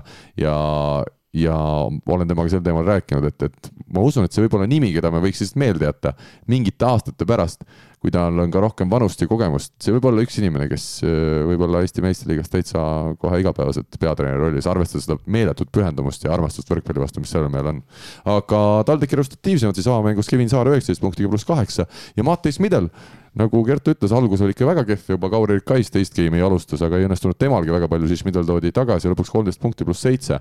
ja tema siis paremuselt teine punktikütt, üldse oli huvitav sümboolne koosseis valiti liigal aga diagonaalründajat välja ei kuulutatud seal pärast äh, viimast finaalmängu, et mulle tundub, et see sai olla ilmselt siis seetõttu, et Mattias Midal on juba osutunud valituks äh, TalTechis. ilmselt küll ja oodatakse ära, kuni pronks välja jagatakse, et ma ei, ma arvan, et see läheb Schmidlile kõik, noh, loogika ütleks seda, jah. kuigi teine, teine mäng tuleb väga kehvasti välja, siis võib-olla. Tuleb hoopis jah, no see oleneb alati, mille järgi neid äh, parimaid jagatakse, et kas vaadatakse jah, et kas vaadatakse tervet hooaega, kui vaadata play-off'i, no isegi kui vaadata play-off'i, siis ega Schmidli vastu siin ma arvan, keegi ütleme, Selveri ja TalTechi võrdluses ilmselt ei saa. Karev Ellermaa siis oli puudu Selveril äh,, mängis Sander Pärna ja, ja no ikkagi keeruline oli. Oliver Orav, tore näha, et vähemalt Pärnaga koostöö paistab klappivat, kuuskümmend üks rünnakuprotsent, kakskümmend neli punkti pluss kolmteist kogu mängu resultatiivseim. aga tundub küll kuidagi, et selles kuidagi nagu kumm on tühi juba või et ei ole selles pronksi seerias sellist meeletut äh, emotsiooni, mida ma millegipärast arvasin, et, et seal võib tekkida sest mõlemal võistkonnal nagu tõestamist päris palju. Selver äh, Balti liiga ebaõnnestus kokkuvõttes, Eesti meistrivõistluste poolfinaalseerias saadi ikkagi Tartu Bigbankilt väga selgelt tappa, et neil oleks nüüd see koht, kus tõestada, et tegelikult oleme hea võistkond, lõpetada heal noodil ja medaliga see hooaeg. ja Janis Sirelpuu jaoks, ma arvan, TalTechi peatreenerina kindlasti Eesti meistrivõistluste viimane ehk neljas koht ei ole see, millega TalTechi spordiklubis oldaks äh, rahul, et, äh, et, et temal nagu seda vastutust on ka väga palju, võib-olla Andres Toobalil peatreener nii palju vastutust ei ole, et kui ka neljandaks jääda, jäädakse, ma arvan, et sellest midagi väga hullu ei pruugi juhtuda, aga aga Sirel puhul tundub, et on selline ikkagi koorem peal, et neil tuleb see pronksi seer ära võtta. ja ma olen, ma olen täitsa nõus, TalTechil kindlasti peaks olema kohustuslik see, see pronksmedal ja Selveril tundub, et see Selver on ikkagi nii palju räsida saanud terve see hooaeg, et, et kuidagi raske on öelda neile ka mingisugust kuidagi raske leida selles mõttes, et mis, mis oleks nende aus koht olnud või et kas nad oleks pidanud olema, ma ei tea, finaalis või, või või, või kuskil medalitel, et äh, pigem ju ei, ei saa öelda, et nad väga palju lati alt kuskilt läbi läksid, et äh, kui me nüüd arvestame, et nad äh, tõenäoliselt võib-olla neljandaks jäävad, et et jah, kõvasti sai pihta noor võistkond, noor, noor väljakul ja kui me arvestame siis, et kõik, kes pingi peal on, on ju veel, veel nooremad, et igapäevane trennitegevus ikkagi on küllaltki noorte meestega, kes seal vanemad mehed on, et kui meil on Losnikov ja Orav ikkagi juba vanad mehed, siis, siis see võistkond tegelikult ju peab päris noor olema. ime, et Taavi Mesinuga pole üldse elus olema. jube. aga läheme edasi tänase saatega, head kuulajad. püsime elus, püsige teiegi, võtame ette naiste meistriliiga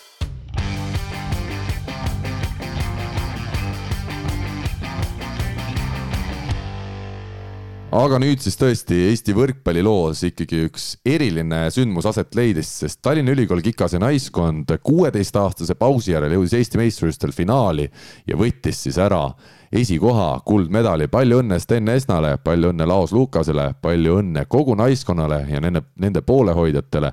ma julgen öelda, et nad olid selle tiitli ikkagi igati ära teeninud. Nad olid teinud hea hooaja, karikavõistlustel juba kukkunud siis sellesama Tartu äh, taha seal kaheksandikfinaalis, see loos oli väga õnnetu, üks headest klubidest pidi välja kukkuma. Balti liigas esineti hästi kuni finaalturniirini, seal tuli leppida ikkagi kahe kaotuse neljanda kohaga, aga lõpp seda magusam, esimene koht ja veel millisel moel, me teame, neljandas mängus Tartus olid nad äh, viit järjestikust äh, meistritiitli palli omamas, lasid selle võimaluse käest, kaotasid mänguga viiendas game'is ja siis viimane kohtumine koduväljakul selles samas Tallinna Ülikooli keldris, võib öelda, või kuidas iganes me ta mängusaali madalalaega nimetame.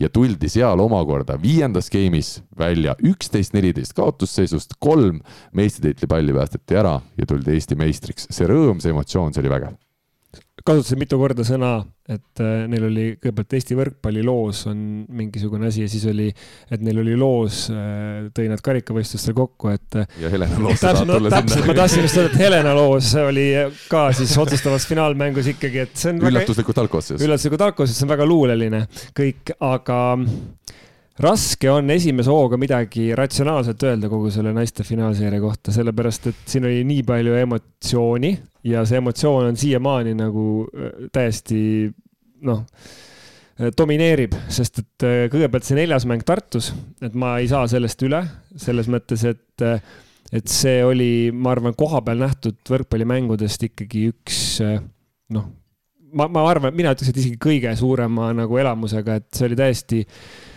jabur äh, ja uskumatu ja noh, ma, ma ei, ma ei tahagi mõelda, noh, tegelikult vaatasin siin Merilin Paalo Raili Hunt ka pärast äh, nüüd meistritiitli toonud mängu, ütlesid intervjuus, et neil läks kaks päeva, et sellest mängust üle saada, mis on täiesti no mis on isegi veel vähe nagu, et selles mõttes tublid, et te kahe päevaga hakkama saite.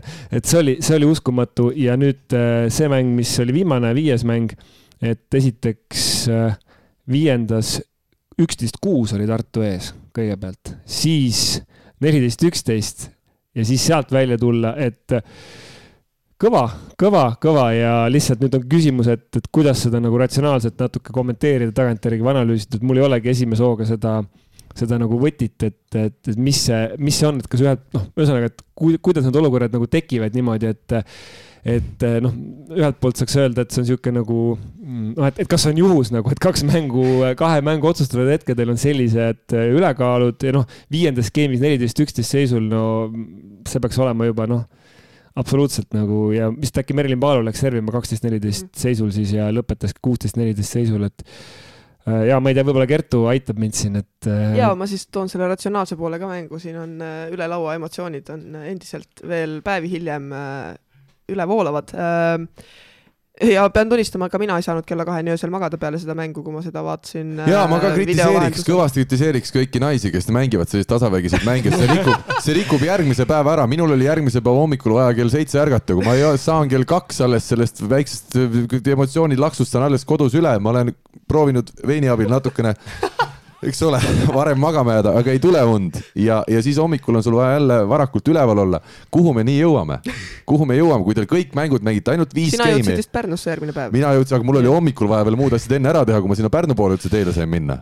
aga see selleks, tegelikult palju õnne kõigile, kes nii põnevaid mänge pakuvad. Äh, eks noh, nagu ka Sten Esna ütles peale seda nii-öelda hävitavat äh, neljandat mängu, et, et see toob äh, naiste võrkpallile juurde seda kajastust ja noh võib-olla see ei ole kõige positiivsem kajastus, kui järjest äh, võist-, ütleme siis championship poole ära mängitakse või maha mängitakse, et. no ikka on aga..., ma arvan, tavavaataja, ta ei oska seda võib-olla panna seda no, nii-öelda tasemega seonduvalt, ta pigem vaatabki, et Just, äge. eriti kui on, äh, kui on tegu nii-öelda noh ütleme, kui Eesti koondis oleks sellised asjad maha mänginud, oleks kriitikat küll ja veel, aga siin olid ikkagi kaks Eesti naiskonda üksteise vastas ja keegi on alati kellegi poolt, eks ole. väga õige no. mõte kõik, jah. et, et on ka Eesti koondisel ju olnud äh, küll ja veel neid mänge, kus äh, kas või nüüd siin eelmine kevad, kui me Šveitsi vastu ka olime üksteist seitse ees vist või viiendas, et äh, noh sa mäletad seda oli, ilmselt paremini, Gert. see oli valus, aga ja on ka enne neid mänge olnud, aga tulles jah, nüüd selle juurde, et miks sellised asjad nendes mängudes juhtusid mm,,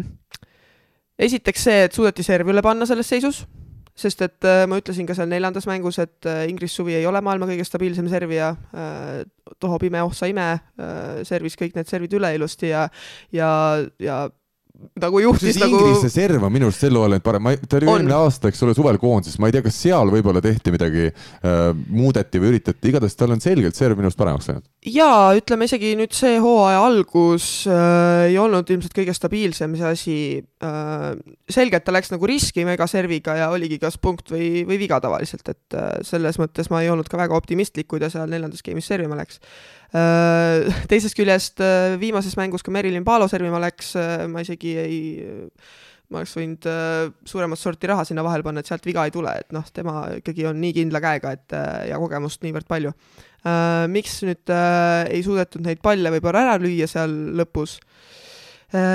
mõlemad võistkonnad on sellised, kus sellist noh, seal kerkivad kohati esile mingid rünnakuliidrid, aga sellist, sellist, kes kas ka sellise kõrge palli lööks maha. kahjuks kummaski tiimis, noh, ei ole. et äh, kui see vastuvõtt on natukenegi äh, kuskil äh, natuke võrgust kaugel, kui ei, oleneb, kes on eesliinis, väga palju oleneb sellest, kes on parajasti sidemängija, me teame viimases mängus mõlemad võistkonnad pidid nii-öelda teise sidemängijaga mängima, sest ka Tartul on Starkov oli vist haigestunud nii et äh, ega ka sidemängijad seal väga palju nüüd halvast vastuvõtust äh, imet korda ei saada. Ja tahes-tahtmata, kui sul sellises seisus juba üks-kaks punkti läheb ära, kohe läheb see, ütleme, momentum, momentum on see eestikeelne sõna äh,, läheb äh,, lähebki sellele võistkonnale, kes on kaotusseisus, sest äh, nemad saavad sealt tuhhi juurde, neil tekib lootus. Ja kui ei ole seda kõvakäelist mängijat äh, tiimis, kes äh, nõuaks selle palli endale, et ta lööb selle ära, siis nii juhtubki ja samamoodi see, kes on kaotusseisus, hakkab äh, tahtejõu pealt, puhta tahtejõu, jõu pealt äh, mängima kaitses paremini ja plokis paremini ja siis lööb selle palli veel maha ka. minu arust siin on ehe näide, kui ma ei eksi, siis selles neljandas mängus eduseisus äh, ei suutnud eesliinist Raili Hunt palli enam maha saada ja suutis teisel pool võrku Renate Pikk ja viiendas mängus täpselt vastupidine olukord oli Tartu peal ja Pikal oli võimalus siis äh, eduseisust lüüa ja ei õnnestunud ja samamoodi vastupidiselt siis Raili Hunt õnnestus ja lõpuks tõi ka selle meistritiitli ära. et see vaimne pool on ikkagi ülioluline ja tõesti, nagu sa ütlesid, tagantjärele, tagant tulles sul ei ole midagi kaotada ja see, see rünnakute lahendamine on lihtsam sellises olukorras. jah, absoluutselt, et see oleneb kindlasti ka kaotusseisud on ka erinevad, et, et kui sa järjest jääd kaotusseisu, võib-olla hakkab tõesti käsi värisema, samas kui sa nagu vähendad seda kaotusseisu, sul tekib enesekindlus ja sealt äh, tuleb see purakas ka juurde ja ja see viimane pall, mille Raili Hunt äh, sealt ära lahendas, väga ilusti lõi kõrgelt ploki kätest, kaitsel ei olnud seal mitte midagi isegi teha. kui seda finaalseeriat nagu tervikuna nüüd vaadata algusest peale, siis tegelikult tuleb öelda, et et eh, noh, Tartu oli kogu aeg nagu tagaajaja rollis iseenesest, sest esimese mängu ju Tallinna Ülikool võitis kolm-null, teises, mis Tartus toimus, oli nad eh, game idega üks-null ees ja teises game'is oli ka pigem veel nende, nende mäng, need olid seal pigem punktiga kahega eh, vähemalt see game'i keskel ees ja siis Tartu nagu tuli tagasi, võitis kolm-üks, siis jälle kolm-null Tallinna Ülikooli siis võit kodus ja siis nüüd see neljas mäng, kus tegelikult ju Tallinna Ülikool läks game idega kaks-null ette ja noh, oli ju sisuliselt juba noh, et selles mõttes Tartu nagu äh, Tartu oli kogu aeg nagu selles, selles seisus ja siis jõuda sinna äh, neliteist, üksteist seisu tundus nagu selline muinasjutt, et, et iseenesest äh, noh, finaalseeria jooksul, kui nüüd mängijatest rääkida veel siin, Kertu mainis mitut ja, ja oli ka jutt Ingrid Suvist, et Tartu poole tegelikult oli huvitav näha, et, et Äh, toodi, äh, toodi mängu siis äh, Katariina Wengerfeld mingil hetkel, kes, kes ju tegelikult noh, keda vähemalt mina küll ei arvanud, et, et ta võiks seal põhiraskust kanda, alguses oli Liisa, Liisa Hollas pidi ühe mängu vahele jätma vigastusega. Vähemalt tundus, et ta seal ühes Tallinna mängus ei teinud ka sooja, vaid oli, oli küll kohal, aga ütleme, ei olnud selgelt valmis sekkuma. ja siis Kaili Laanemets, kes sai ka nendes teistes mängudes tegelikult omajagu võimalust ja nendes teistes mängudes, kus ta siis episoodiliselt platsile sai, tundus pigem, et ta ei olnud, tal ei läinud nagu hästi. aga selles viimases mängus tundus jällegi, et ta oli nagu täiesti okei okay,, kohati isegi nagu hea. tuli loomulikult sisse ka mingeid eksimusi, aga, aga mitte midagi sellist nüüd hullu, et, et Kaili Laanemetsa pealt oleks see mäng nagu kaotatud ja siis teiselt poolt vaadates siis nüüd Tallinna Ülikooli, siis noh, nemad on ikkagi suhteliselt stabiilse koosseisuga mänginud. see, et noh, Helena Loos ja, ja Melissa Verlõgina olid ka sunnitud viimaseks mänguks kohad vahetama, ehk siis Varlõginat ei, ei olnud ja Elos täitis tema rolli ka, ei olnud äh, suurt, äh, suurt probleemi, et pigem natukene üllatas see, et äh, viimases mängus neljandas skeemis tuli sisse Maret Kuuse ja viiendas ta isegi alustas, et tegelikult nagu noh, ja pakkus Merilin Paalole natuke puhkust ja ütleme, see oligi võib-olla see, mis, mis Tartut nagu hoidis mängus, et nad suutsid nagu roteerida, ühelt poolt see võib-olla kohati tundub, et ajab äkki neil mängu hoopis nagu äh, rütmist välja, aga võib-olla mingitel hetkedel oli näha just ka, kui Mari Arak tuli sisse, ta oli puhanum, ta sai nagu äh, rohkem tegutseda, nüüd see Maret Kuuse äh, mängusolek kes mängis tegelikult oma koha nagu väga okeilt välja ja tõi seal mõned äh, olulised punktid, siis, siis ütleme, Paolo tuli sisse ja oli, oli puhanud ja suutis ka selles viiendas skeemis võib-olla tänu sellele just anda ka seal lõpus rohkem.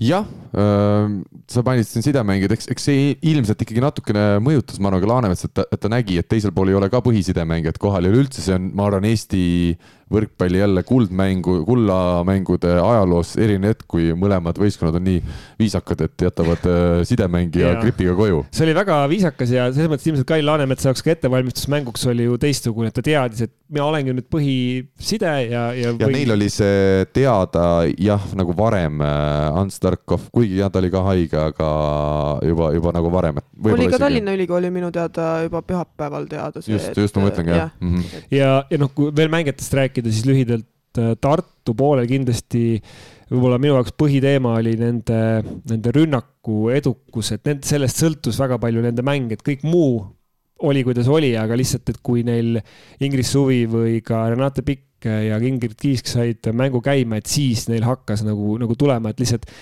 ehm, sõltumata sellest, kes seal sidemängija parasjagu oli, et lihtsalt kui see rünnaku kõikumine oli see, mis neile nagu tõi seda või noh, ütleme, tõi need, tõi need kaotatud hetki, et selles mõttes Tallinna Ülikool oli nagu natukene stabiilsem äh, selle finaalseeria jooksul ja kaitsemängus lihtsalt äh, mhm. öelda, et siis kus need, kus, kus need punktid nagu kukkusid ühele või teisele poole, et siis Tallinna Ülikoolil ei teinud statistikat, aga see on niisugune tunnetuslik, et, et ma arvan, et neil ei jäänud maha selliseid noh, nõndanimetatud rumalaid palle või selliseid kuskilt tripsust tulnud palle, et äh, Marilyn Lassi kaitsemäng ja üldse ka võistkondlik kaitsemäng seal Paalo ja, ja Hunt sealhulgas, et see oli, see oli väga hea ma teen siin võib-olla taas, ma olen nendel mingitel äh, parematel valimistel teinud selliseid veidi võib-olla mitte ettearvatavaid valikuid. Äh, Raili Hunt viimases finaalmängus kakskümmend neli punkti, efektiivsusnäitaja pluss kolmteist ja lõi ju viimase palli maha, mis kokkuvõttes selle äh, finaalseeria otsustas ja noh, Katriin Põllust ka võib-olla raske mööda vaadata, ikkagi temporündajana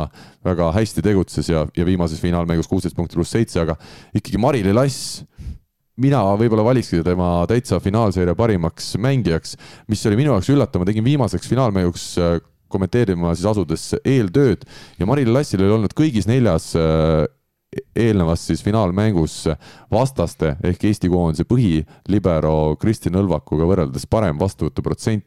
Ja ka kaitses tõesti Lass tõi palli üles, ta kuidagi teadis alati, kus olla ja ka need puuted olid head, et mina ütlen täitsa ausalt välja, et Maril Lass äh, selle seeria minu hinnangul parim mäng. sa valisidki ta parimaks juba sellega, et sa võtsid ta intervjuule pärast äh, siis viiendat finaalmängu, et äh, ma ei oska öelda, kas parim, aga noh, ütleme Tallinna Ülikooli hea kaitsemäng oli. ütleme, ma põhjendan ära ka, et äh, kui me räägime nurgaründajatest, äh, Hunt ja Paalo, siis neil oli ikkagi selliseid suuri tõuse ja mõõnu. et ma julgen väita, et äh, Lassil ma saangi aru, ta ju ei ründa ka, ongi võib-olla natukene selles suhtes lihtsam, aga see on, see on see minu põhjendus. isegi kahe võistkonna peale ehk vaata, et kõige stabiilsem mängija oli selles mõttes kindlasti saab öelda, et tema pealt nagu, ta ei tekkinud kordagi sellist nagu halba, halba momenti, et seal teised ka nagu kõikusid, võib-olla Melissa Varlõgin oli ka selline, kes, kes esimeses neljas mängus pigem oli suhteliselt stabiilne. Sten Esna, jaa. Äh, ma tahtsin veel öelda, et terve see seeria tegelikult äh, oli selliste konkreetsete hetkedega, kus need ütleme, tuuled siis pöördusid, et äh, esimene mäng kindlalt kolm-null, seal väga ei tehtudki mingisugust äh, probleemi sellest, äh, siis Tallinna Ülikoolile, teist mängu tegelikult Tallinna Ülikool alustas samuti hästi, võitis avagame'i, siis läks Tartu oma teed, võitis järgmises mängus Tartu alustas hästi, kaotas avagame'i jälle kolm-null Tallinna Ülikooli Ikasele. ja noh, sealt edasi neljas mäng, noh, need game'id olid väga napikad seal alguses aga ütleme, peale seda neljanda game'i lõppu äh, Tartu läks jälle oma teed, tundus ka, et alustas viiendat mängu tegelikult kindlamalt ja oli juba võitmas ja siis seal tuli jälle noh, et, et niisugused hästi konkreetsed kohad, kus, äh, kus need äh, momentum siis nii-öelda pöördub ja see jah, ütleme ei näita, et võistkonnad oleks nagu väga stabiilselt mänginud selles mõttes, et äh, lihtsalt ei ole, ei olnud neid mängijaid, kes äh, selle vastutuse nendel hetkedel enda kätte võtaks, et see momentum ei pöörduks. ma just tahtsin öelda seda vastutuse küsimust, just äh, lisada nii-öelda liidri, liidri rolli täitmist, et, et ei tekkinud selliseid, ütleme mingil hetkel kui Tartu selle emotsiooni üles saab, et siis seal oli Ingrid Suvi kindlasti, kes kes võttis seda liidrirolli. aga see ongi see, et kui on emotsioon üleval, on lihtne seda liidrirolli võtta et.... aga ütleme, et noh, Tallinna Ülikooli tegelikult terve hooaja vältel Raili Hunt on selline olnud, kes on tõmmanud ja noh, ma arvan, Melissa Võrlõgina ka, kes on tõmmanud seda võistkonda nagu käima, et mul isegi selle taustal tundus, et Raili Hunt, kuigi numbriliselt tõi punkte päris palju, et mulle isegi tundus, et tema esitus oleks võinud nagu veel parem olla, et võib-olla see lihtsalt see on see, et võib-olla ma loodan ka nagu liiga palju, et see on ikkagi finaal ja natuke pinged on teised ja vastased ka kõvemad. kui vaadata suuremat pilti, siis äh, mina olen ka siin maininud, et naiste võrkpall, et see ongi selline, kus on suured tõusud ja mõõnad ja, ja pikad pallivahetused ja nii edasi ja pikad pallivahetused ongi ju arusaadav, kui, kui füüsiliselt on naised nõrgemad kui, kui mehed, aga ikkagi siin tasub ka nagu suurt pilti vaadates seda tõdeda, et kui meil meestel finaalseeria, mõlemad võistkonnad, põhikoosseisud valmistusid ainult nendeks, nendeks mängudeks ja, ja see keskendumine oligi seal, nad teevad seda professionaalselt, siis äh, naistel ju, no kõige parem näide on vist Ingrid äh, Kiisk, kuigi kindlasti ka paljudel teistel naistel tulid need mängud pikkade tööpäevade pealt ja, ja Kiiskil siis mitu finaalmängu sedasi, et ta oli oma meditsiini erialal olnud äh, öises vahetuses ja, hommikul kaheksa ajal vist koju tulnud, et, et need on need taustad, mida me ka ajakirjanikke kõiki ei jõua ükshaaval läbi käia, aga me teame, et seal võib olla alati neid elulisi põhjuseid, miks kellelgi mingi mäng ka ei õnnestu. ja, ja see, kui ma ütlen, et, et puudus selline liider, see ei ole absoluutselt nagu mingi halvustav asi, et tegelikult minu, minu hinnangul oli väga äge mäng, oli palju pikki pallivahetusi, näidati klassi äh,, nii et äh, selles mõttes kiitus nagu absoluutselt finalistidele ja, ja on äge, et et noh, sest tegelikult äh, eelnevatel aastatel ei ole üldse need finaalid nii, nii niisuguseks äh, põnevaks läinud.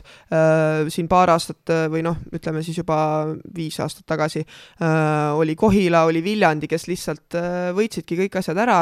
peale seda tuli Tartu, kes ka tegelikult oli üle, on olnud TalTech, kes on kõigis asjades üle olnud. et see on äge, et on tekkinud selline põnevus ja et on võrdsel tasemel võistkonnad. ja kiidaks ka Võrkpalliliitu siinkohal, et tehti korralikud ülekandest kõikidest kullamängudest mängudest, kõikidest pronksimängudest. et, et see on oluline, ma arvan, ala, arengu jaoks, et, et kõik ei jõua ja ei saagi saali tulla, kui nad vaatavad ülekannet ja, ja näevad, et tegelikult äh, päris lahe on see mäng, et siis jälle ala suures pildis areneb. kiitus siinkohal kindlasti ka Sten Esnale ja Laos Lukasele. Eesti noorte naiste, ütleme, pealekasv, needsamad Audentese tüdrukud ja paljud, kes on siin viimastel aastatel olnud seal säravamad, need on olnud Steni ja, ja Laose õpilased noorest peale ja, ja ma arvan, et Sten ja Laos seetõttu olid ka just väga ära teeninud võitnud selle Eesti meistritiitli. nõus ja Sten Esna jätab kõrvalt väga põhjaliku, motiveeritud sellise treeneri, ka emotsionaalse kohati, eks ole, siuksed noh, et ta on nii hingega asja juures, et seda oli ka näha nagu mängijate reaktsioonidest pärast mängu ja no Laos Lukas lihtsalt oma tasakaalustatuse ja kogemusega sinna Äh, sinna kõrvale, et sobib hästi, et lihtsalt kui siin selle aasta üldse või selle hooaja, ütleme Eesti võrkpallis sellist treeneri tüüpi nagu välja tuua, et siis mina, ma tooks Sten Esna välja, on see siis mehed või, või naised, et ma tooks lihtsalt tema, tema välja, kuna tema tema nagu pühendumise jällegi nendes oludes, et no loomulikult me ei saa võrrelda nüüd seda, mis näiteks Tartu Bigbank meeste poole pealt on teinud äh, kogu see treenerite tiim, et kindlasti see professionaalsus ja võimalused on, on suuremad, aga noh, nende võimaluste juures noh, ma ei ole ju ise seal kuskil esnatrennis käinud ega näinud, aga lihtsalt see, see mulje on see, et ta on noh, see tema nõudlikkus ja ja professionaalsus ja, ja hingestatus, et sa, sa nagu tõesti tahad seda teha ja eriti ma arvan, olukorras, kus sul ei ole profid, keda sa treenid, sa peadki ka treenerina olema nii nagu hingega selle asja sees, et need mängijad tunnevad, et kõige muu hulgas nad mängivad ka selle treeneri hingestatusega kaasa või koos selle treeneri hingestatusega. Ja naiste pronksiseeria juurde on siis nüüd äh, aeg tulla, aga enne ma mainin ära ja ma kiidan, ütleme naiste liiga siis sellist äh, juhtimist või kui me vaatame meeste liiga, pidi olema pronksiseeria kolme võiduni, aga enne pronksiseeriat tuleb uudis, et mängitakse kahe võiduni, ah, las see hooaeg jääda, teeme kahega ära, saame puhkama. et äh, kui on reeglites kirjas, et kolme võiduni pronksiseeria oleks pidanud meestel äh, minema, siis minu arust natuke imelik, et, et. oli, oli ka siuke asi tõsiselt või? jah okay., et Uff ma saan aru, koroona ja erinevad mured, aga, aga mulle tundub lihtsalt, et reeglid ikkagi hooaja alguses, kui need on paika pandud, neid võiks järgida. võiks ühe võiduni teha, oleks palju huvitavam. või üldse nagu... mitte teha, mõlemale pronks anda nagu olümpial näiteks. ressursi. kui naistel oleks kahe võiduni olnud, me oleks siin, istuks pronksmedaliga siin praegu mina. no vot aga teeme tagantjärgi ümber, kuule, anname Kertule ka pronksi, me võiksime anda vähemalt oma saate tiimiga Kertule pronksi nagu siin. aga tegelikult need kolme-neljanda, kolmanda-neljanda koha mängud selles mõttes olid hästi huvitavad, et Audentes võitis Viljandis kaks mängu kolm kolm-null, eh, siis kodus kaotas kaks-kolm mõlemad mängud ja siis läks, eks ole, selle viimase mängu peale, et noh, lihtsalt vaadates neid eh, eelmisi mänge, siis eks eh, summaarselt Audentes vääris seda rohkem ja, ja võttis oma, oma võidu ära ka, et lihtsalt Viljandis on, on olukord selline, et Kertu mängust sõltub nii palju ja Kertule äh, noh, ma ei ütle, et kas pannakse ebainimlik ootusi, aga ütleme niimoodi, et noh, kõik vaatavad paratamatult, paratamatult Kertu otsa, iga teine pall peaaegu sinna läheb ja küsimus on selles, et kui Kertu kasvõi Äh, Gert on ka inimene ja kui Gertu kasvõi ühe või kaks korda eh, ei too punkti, ehk siis vastane on plokis hea või tuleb out'i või mis iganes juhtub, et noh, see juba tegelikult äh, Viljandi jaoks tähendab nagu, see ei ole nagu tavaline nagu see, et noh, ikka ründajad eksivad, sest et sul ei ole kedagi, kes tuleks nagu lappima sellisel kujul. ja noh, samal ajal nagu nad nagu võistkonnad väärisid teineteist, sest Audentes on ju ka, ütleme, noored, ebastabiilsed selles mõttes, et üles-alla tihtipeale see käib, meil oli, seal mõni mäng oli ka vist mõned mängijad olid väljas ja kas see oli nüüd, aga see oli poolfinaalis, kus osad olid tsooni, tsoonimängudel, et päris nii hulluks see asi ei läinud, et isegi sellest viimasest mängust ju tegelikult Lisbeth Pill oli, oli eemal, mis on, mis on Audentese jaoks arvestatav kaotus, aga lihtsalt, et kuidagi noh, ikkagi ka hooaega arvestades, ka seda kolmanda-neljanda koha seeriat arvestades, Audentes oli ikkagi olgugi, et mõlemad olid ebastabiilsed, Saudentes oli ikkagi stabiilsem ja, ja neil oli ühtlasem võistkond ja tänu sellele see, see ka lõpuks niimoodi loogiliselt pidi minema. ma toon siia lihtsalt vahele ühe märk, märkme või, või mõtte, et äh, sa küll mainid, et Kertul oli suur koormus rünnakul ja kahtlemata oli, aga huvitav oli vaadata, et tegelikult viimases äh, pronksi mängus, kui Kertu sai viiskümmend kolm tõsta, siis Noora Lember äh, tegelikult Audentese diagonaalründaja sai ka meeletu koormuse, nelikümmend viis tõstet et, äh, et vahepeal, vahepeal kuidagi jääb mulje, et Audentesel oli äärmiselt ühtlane see rünnakukoormus, aga viimane mäng oli, oli teistmoodi. lisaks peab mainima, et äh, vist äh, kui ma mängu järgi vaatasin, ega mängu ajal seda ei märganud, aga mängu kommentaatorid ütlesid, et Noora oli mängimas kolmkümmend kaheksa palavikuga.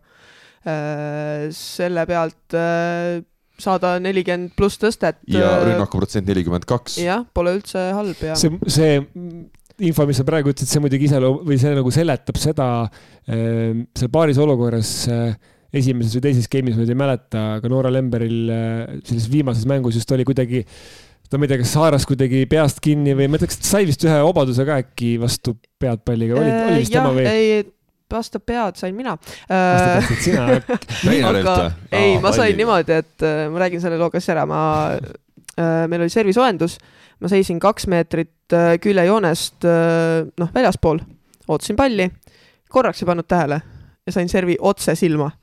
niimoodi ma ei jõudnud silmagi kinni panna, mul siiamaani väike täpike on siin kuskil nagu, nagu, nagu äädikakärbes nagu lendaks ringi. Siim, Siim Päidil juhtus natuke sama asi, kui ta Aha. ka ei vaadanud kogu aeg, mis toimus ah, soojendusel. aga tema oli platsil ta oli platsil, seda küll, jah. et, äh, et jah, ma siiamaani ei tea, kes Audentese tüdrukutest see oli, kes mulle selle rõõmsa palli sinna lajatas ja kirjutage oli... meile, head kuulajad, kes te tundsite, et just... teie pall just tabas Kertu Laagi äh, silma. jaa ma ei ole üldse kuri inimene, nii et äh, ma lihtsalt tahaks teada, kes see oli, aga ühesõnaga. ja tema kolm staadionit.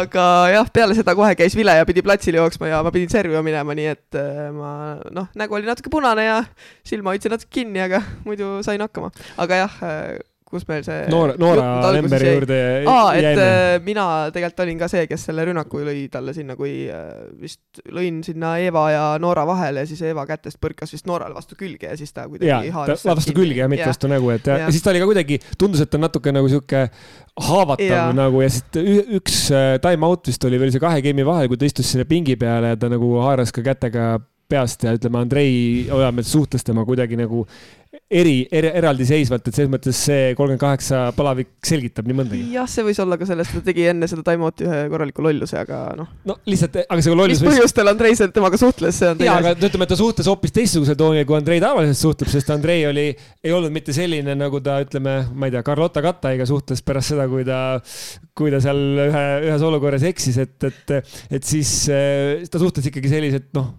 ütleme pehmelt, väga pehmelt noorega. mina palun tänasel saate äh, osalejatel, proovime natukene täna rohkem kokku võtta seda üleüldist hooaega, sest meil, meil lihtsalt, me muidu läheme viietunnise saate peale, et, et ma arvan, et meil võrkpallisõbrad on rahul, kui me, kui me suudame teha kokkuvaatliku pildi, et mina, ma tohib, ei, ma tohib, ma kohe ütlen no, midagi nii, ka enne, ma, ma, ma, ma võin vahepeal ära minna, aga ma tahaks lihtsalt kiita Audentese spordigümnaasiumi noortekoondist, ma ei, ma ei ole läbi aastate meeletult palju ju naiste võrkpalli vaadanud, ma teen seda iga aasta üha rohkem, üha rohkem, sest mulle meeldima hakkab. aga see punt, mis Andrei Ojametsal sel hooajal äh, ikkagi kokku kuidagi oli pandud, ma Andreile kirjutasin ka pärast mängu, ma tean, et tal on mul erinevaid pretensioone ja, ja ta ei pruugi alati kõigega, mis ma räägin ja ütlen ja mõtlen, nõustuda, aga ma kirjutasin, et, et noh, see kõik kõrvale jättes, aga, aga see punt oli kuidagi lahe ja tõesti see võistkond minu hinnangul hooaja jooksul arenes nüüd selgelt, nii nagu Audentases justkui peabki, kui igapäevaselt kaks korda päevas trenni tehakse. Ja seal on tõesti selliseid võrkpalluri kujusid äh, rohkelt, et mul oli lihtsalt,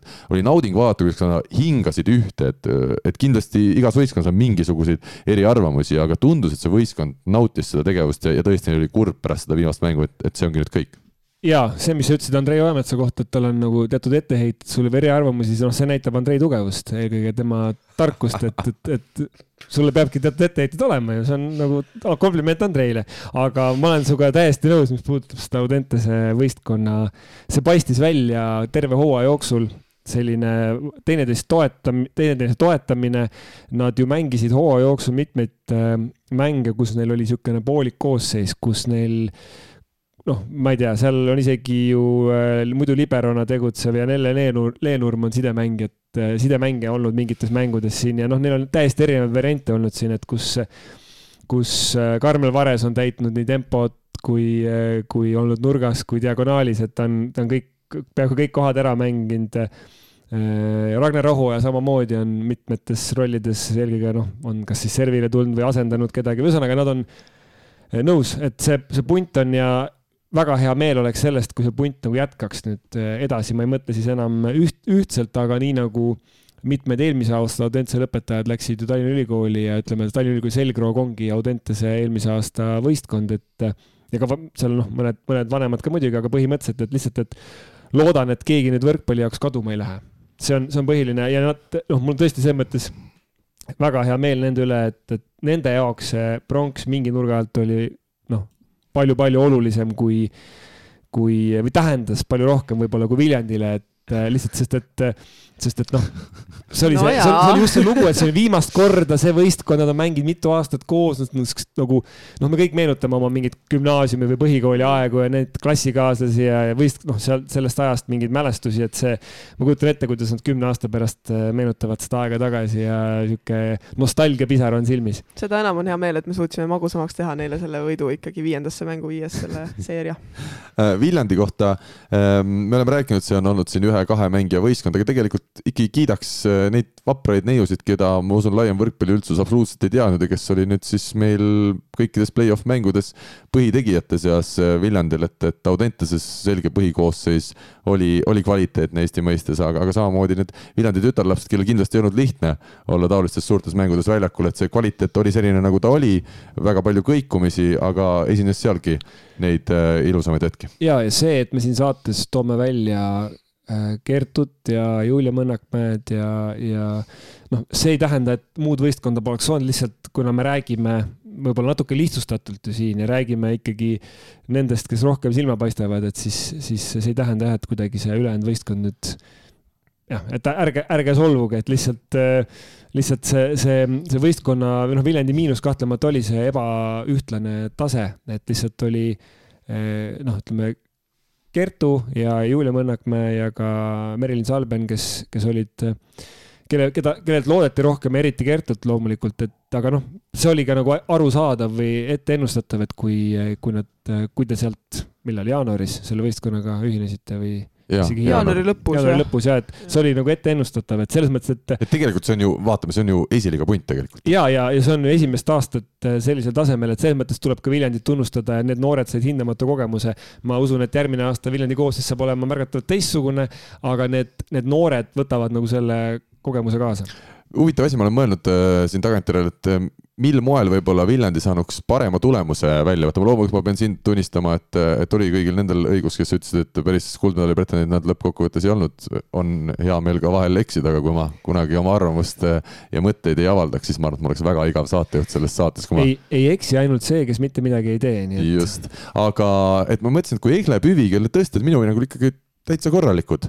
oleks olnud algusest peale, olekski Viljandi läinud mitte selle peale, et Julia Mõnnakmäe võib-olla kevadel on koondises ja, ja selleks peab valmistuma, vaid Püvi oleks tõstnud ja Mõnnakmäe oleks algusest peale vastuvõtuga tegelenud ja rünnakuga ja olnud nurgas äh, abis juures. ma arvan, et äh, kokkuvõttes oleks tulemus parem olnud. viimases mängus me nägime teda ka nurgas tegutsemas. jube raske öelda, et äh, ta oli küll, Julia Mõnnakmäe oli nurgaründajana väga hea ja nagu ma arvan, et ka seal ta oleks enam, võib-olla isegi kõigis Eesti meistriliiga naiskondades algkoosseisu kandidaat, et, et selles mõttes väga-väga võimekas, aga ma, ma ei tea, kas oleks nüüd nii palju muutunud, sest et seda tegelikult ju katsetati ka mingisuguses äh, isegi TalTechi, enne play-off'i katsetati, et ma isegi mäletan jah, TalTechiga mäng oli, et, et seal, seal see seal see ei olnud kaugeltki nii veenev, seal tegelikult selle pealt hakkas kärisema hoopis ja esimese geimi minu meelest TalTechi vastu väga suurelt eh, tookord Viljandi võitis ja äkki, äkki oligi teises skeemis, kus katsetati seda. Ja siis eh, oli seal oht, et eh, antakse see game ära lausa, et see oli nagu pärast Kertu isegi saatis sõnumi mulle, et vabandust, et nii halb mäng oli, mida sa vaatama tulid, et, et nüüd selles mõttes, et see ei ole ka nii üks-ühele, et tegelikult ka Püvi äh, nagu tõsted on minu meelest läinud nagu paremaks, et tema vorm on kõvasti nagu paranenud, et võib-olla see oligi ainult võimalik praegu Kertu, ma arvan, et me võtame pronksiseeria kokku. Taavi on jätkuvalt stuudios, head võrkpallisõbrad, kes te kuulate meid. tort on söödud juba laua peal. Taavi on jah teinud vahepeal koristanud siin, äh, vaadanud telekat, äh, tulnud äh, tagasi ja tegelikult on ta olnud kusjuures siin ja väga kenasti kuulanud meid, nii et ühtegi halba sõna. vangutas pead vahepeal küll. Arvestades Rene Teppaniga, kes vahepeal läkski reaalselt meil stuudiost välja kohvi tegema ja tuli tagasi siis, kui ta kuulis, et on muud teemad käsile võetud, siis ütleme tunnustame. siin pole kuhugi minna siin on väike ruum, aga Kertu, mis on huvitav, kuna me sinuga käime läbi päris palju ka tööalaselt praegu, siis on inimesed minu käest küsinud, et ega Kertu nüüd ei ole võrkpalluri teed ära lõpetamas. mina olen täitsa öelnud, mina oleks nagu sellise asja peale osanud mõeldagi, et sa saad meile täna siin saates kinnitada või ümber lükata, et järgmisel hooajal sa mängid ikkagi välismaal ja, ja suvel sa mängid koondises ja sa oled jätkuvalt väga tõsiselt võrkpalliga tegelev inimene nojah, see tõsiselt tegelemine on nüüd viimasel ajal olnud nii, nagu ta on olnud. ütleme, eks see mängugraafik on ka niisugune tihe olnud ja pluss nagu töö sinna juurde, et et trenniga pole nagu väga palju saanud tegeleda. eks nüüd äh, tuleb koondis, vaatame, mis seal saab, äh, aga kindlasti arvestades, et kodune EM tuleb kätte siis ma arvan, ma jääks seda elu lõpuni kahetsema, kui ma praegu nagu pillid kotti viskaksin, et äh, selles mõttes äh, kindlasti äh, ükskõik, mis see siis nagu võtab, et proovime selle järgmise hooaja ikka välismaal hakkama saada ja olla nagu igasugustest raskustest üle, et, tahaks ikkagi selleks, et kodusel EM-il hästi mängida ja üldse noh koondise kutse nii-öelda vääriline olla äh,, tuleks ikkagi, ma arvan äh,, jah, praeguse Eesti liiga seisuga ikkagi välismaal äh, see hooaeg ära teha. on sul pakkumised välismaalt juba tulnud järgmiseks hooajaks äh,? konkreetselt midagi ei ole, aga noh, ütleme agendiga olen, olen rääkinud, et, et, et äh, otsingud käivad aga tuleme nüüd siis selle ühe jälle Eesti võrkpalli kõige sellise raskema teema juurde. naistekoondise teemal Laavo Keel eelmises saates võttis sõna, kuna tema ka kandideeris naistekoondise peatreeneriks ja osutunud valituks. Alessandro Orefice siis meie senine abitreener jätkab. esiteks ähm, ma küsin siit äh, saate viibijatest. Aavo Kell väitis, et see ei ole väga tavapärane praktika, et tuleb abitreener, kui peatreener lahkub. aga noh, samas Alar Rikberg täpselt samamoodi tuli ju näiteks Tartu meeskonna nüüd peatreeneriks, et oli Andrei Ojamets ja sellega, et mina ütlen, et siin ei ole kindlasti ühte mustrit, et see on õige ja see on vale. aga mind huvitab teie arvamus.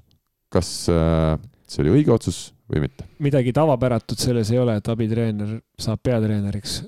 kas see on õige otsus või mitte, ma ei tea, seda näitab aeg, ma ei tunne seda abitreenerit või noh, ma ei tea tema, tema käekirja üldse, et see oli, ütleme nii, et see vastas sellele ülesandele, mille Võrkpalliliit oli püstitanud ja eelnevalt välja kommunikeerinud. Nad tahtsid leida välismaa spetsialisti ja kuidagi äh, oli ka juttu sellest, vähemalt kuskilt tasandilt, ma ei oska öelda, kas see oli äh, liidu või, või mängijate tasandilt, et, et nii-öelda noh, osad Eesti treenerid on nagu eilne päev või on nagu minevik juba, et selles mõttes see, mis nad välja kommunikeerisid, seda, selle nad täitsid, et kas see nüüd on, kas see nüüd on õige, et Eesti treenerid, osad on eilne päev või mitte, sellest, selle üle me võime debateerida, aga, aga eesmärki sellega täideti küll.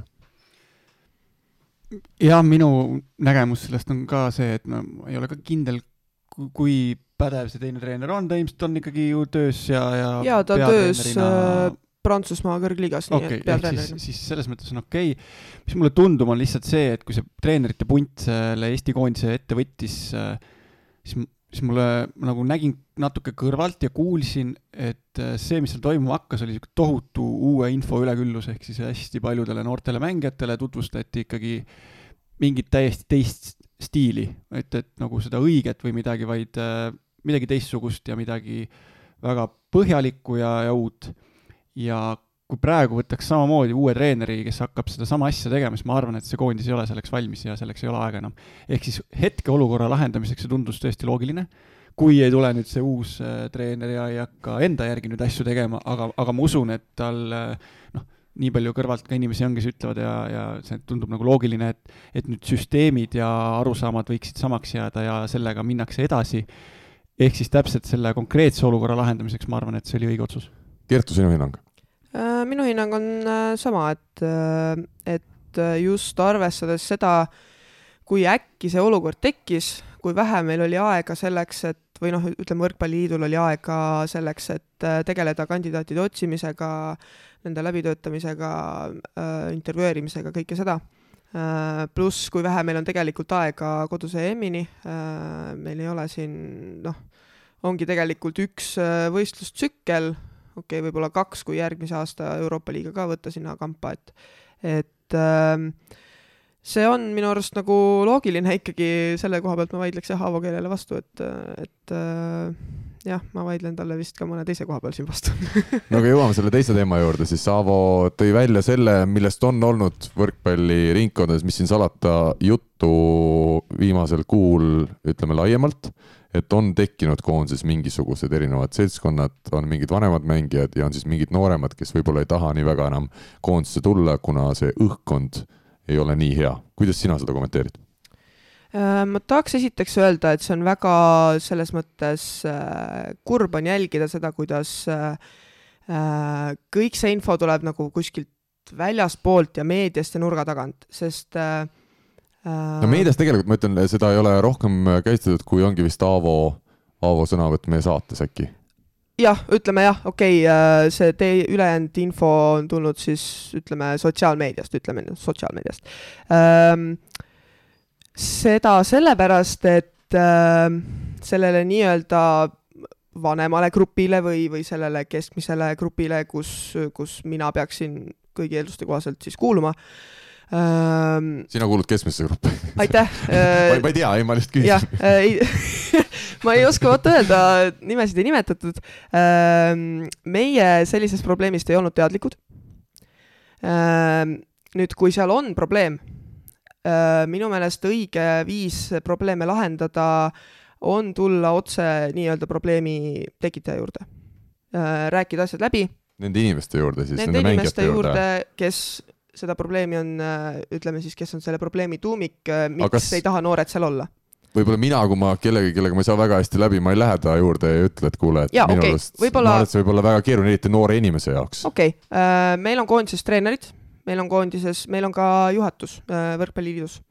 Ähm, see, et minna seda rääkima või noh, ma ei tea, kust äh, Aavo Keel seda kuuldis täpselt äh,, kuuldavasti ta oli ka rääkinud ühe rääk-, äh, ühe mängijaga ähm,. see, et äh, minna inimeste juurde, kes ei ole päevagi koondise juures olnud, äh, kes ei tea, kuidas seal noh, on tööd tehtud, äh, kuidas sinna on panustatud oma aega ja oma hinge ja oma äh, ütleme jah, kõike, kõike tahtmist, minu meelest see ei ole õige. see toob endaga kaasa lisaprobleeme, mida kellelgi vaja ei ole. teine asi Äh, eks see on iga inimese oma, oma selles mõttes hinnang ka, keda, keda uskuda, et, et kas uskuda jällegi ütleme, meil on äh, koondise liikmed hoidnud päris madalat profiili, ei ole siin äh, mingisuguseid vastuväiteid esitatud, ma leian, et mul on hetkel see platvorm, et seda teha. kas uskuda neid koondise mängijaid, kes on reaalselt pannud juba aastaid äh, oma aega sinna koondisesse ja teinud tõesti seda tööd südamega, sest ma ütlen äh,, minu jaoks koondis on olnud kõige lahedam tiim, kõige kokkuhoidvam tiim, kus ma olen oma elus mänginud, ma alati ootan seda aega, noh, terve klubi hooaja ähm,.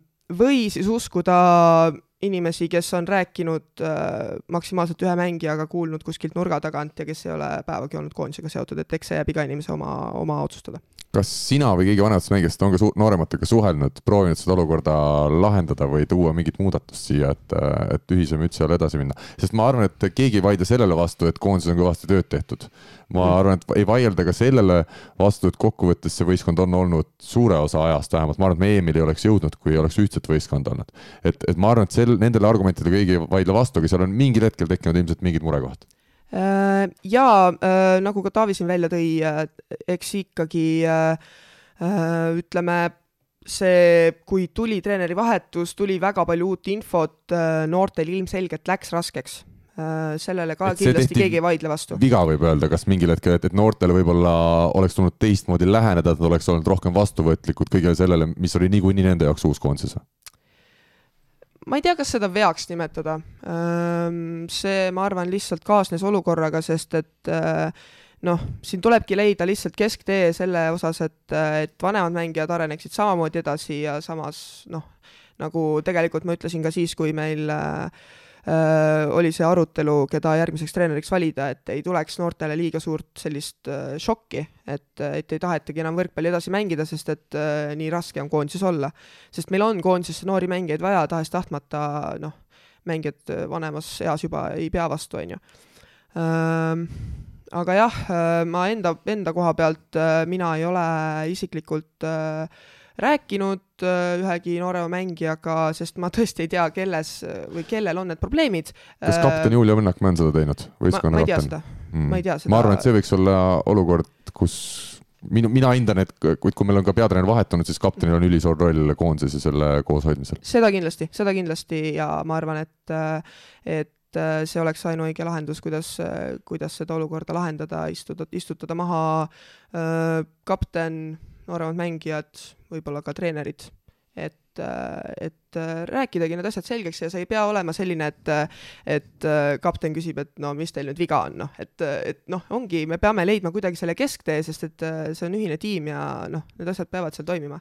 aga jah, mina selles mõttes, minuni ei ole jõudnud infot, et, et probleem oleks olnud minus, muidugi ma tahan nagu ka aidata probleemile kaasa lahendada, aga ma ei leia, et äh, minu poolt äh, praeguses olukorras võib-olla selline noorte ettevõtmine minu poolt äh, võib-olla ei ole see õige samm jääb üle loota, et ei ole hilja neid kõiki samme teha, et, et loodetavasti saab ikkagi Eesti naiskond minna suvele vastu oma parimas koosseisus või vähemalt ideaali lähedases. aga mis see hetkeseis siis on, et palju, palju meil on neid mängijaid, kes ütlevad, et kes need on, kes ütlevad, et nad ei tule koondisse? Kas meil on teada see?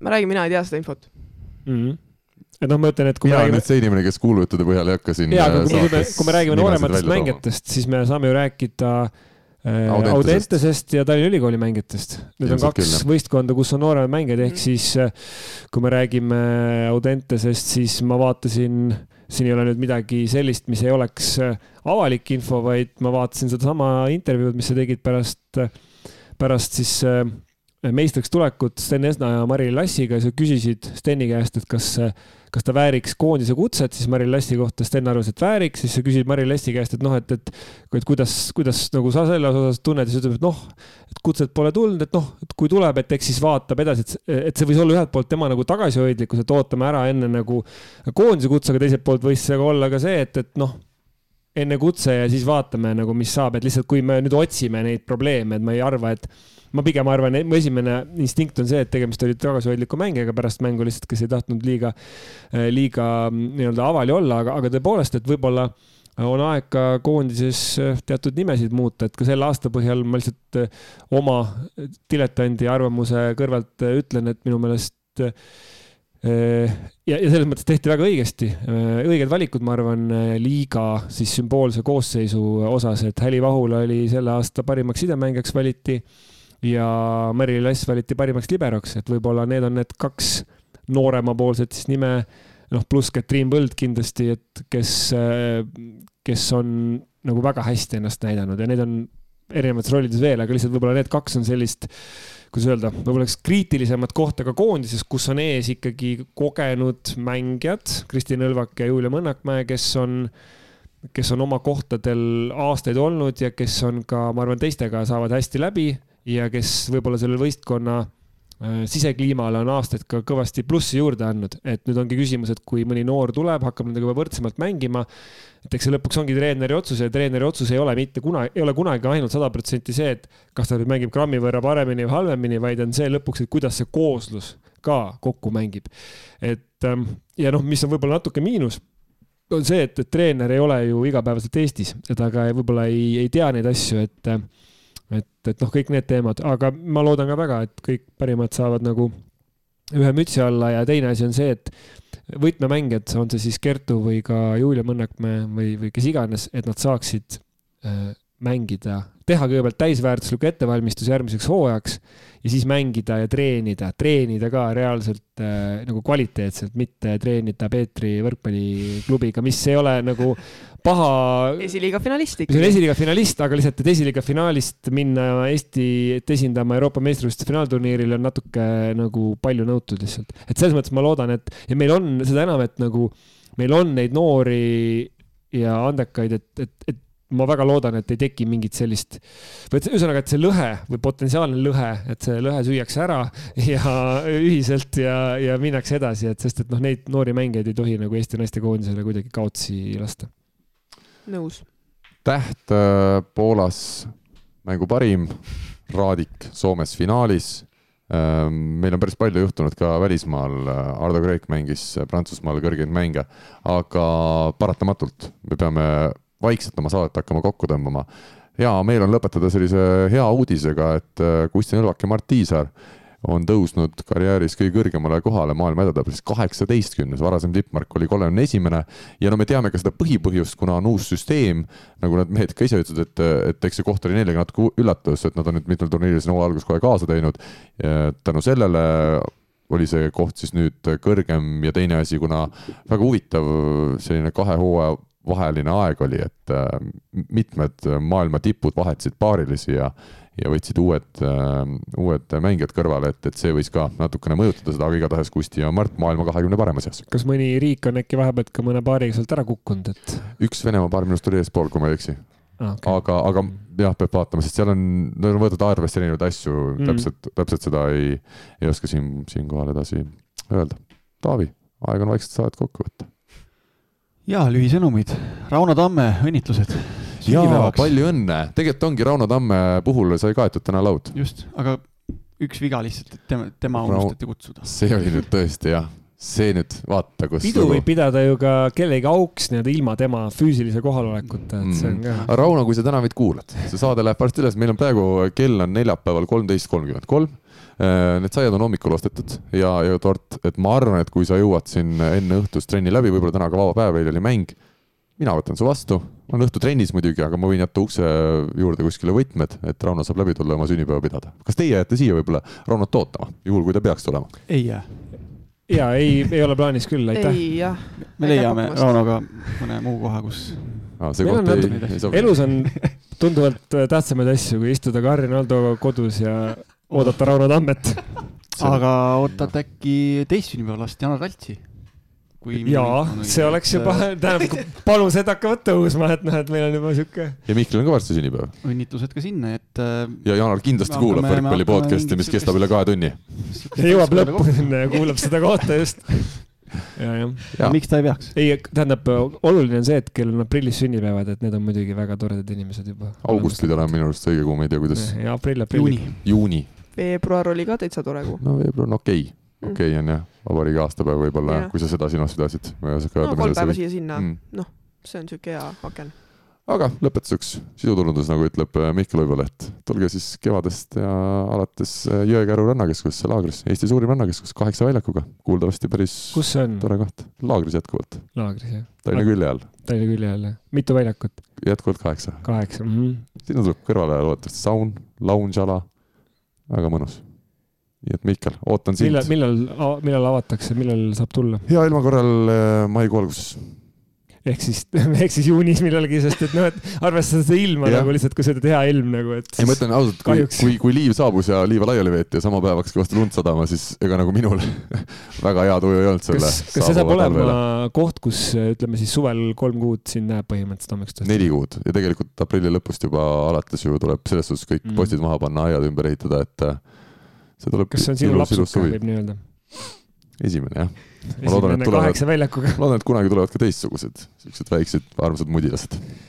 ei, igal juhul ma, ma olen seda isegi jälginud natukene neid äh, pilte, kus kuskilt katuselt jälle tehti mingi, mingi, mingi tore pilt, et äh, lahe ettevõtmine, et äh, palju, ma just hakkasin mõtlema eile vist, kui ma seda pilti nägin, et, et huvitav, palju Eestis nüüd kokku selliseid nagu väljakuid on, et see on noh, ütleme väliväljakuid, siseväljakuid on nagu lihtsam lugeda, aga väliväljakuid just, et noh, ma, ma ei pane siia juurde nüüd mingis, lihtsalt kui rannas on, on väljak, ma mõtlengi nagu spetsiaalselt, kus sa saad ikkagi nagu käia Kusjuures, trenni tegemas. jälle, et, et Võrkpalliliidu inimestele ei jääks mulje, et me kogu aeg ainult neid äh, tampida tahame, minu arust üks äärmiselt lahe ja pikaajaline protsess on olnud see võrkpalliväljakute korda, et ma usun, et tänu sellele on hakatud üle Eesti üha rohkem rannavõrkpalli mängima, et on tekitatud sellised lahedad kohad Võrguliidu abiga, see on ju selge Võrguliidu projekt ja eestvedamine, et siin küll au ja kiitus kõigile nende idee eest, eestvedajatele. ja see tunne, mis sa ütlesid, et, et, et tambitakse, nagu sa ütlesid, et ma, ma küll ei ütleks, et me oleme siin täna korduvalt kiitnud, aga see on samas,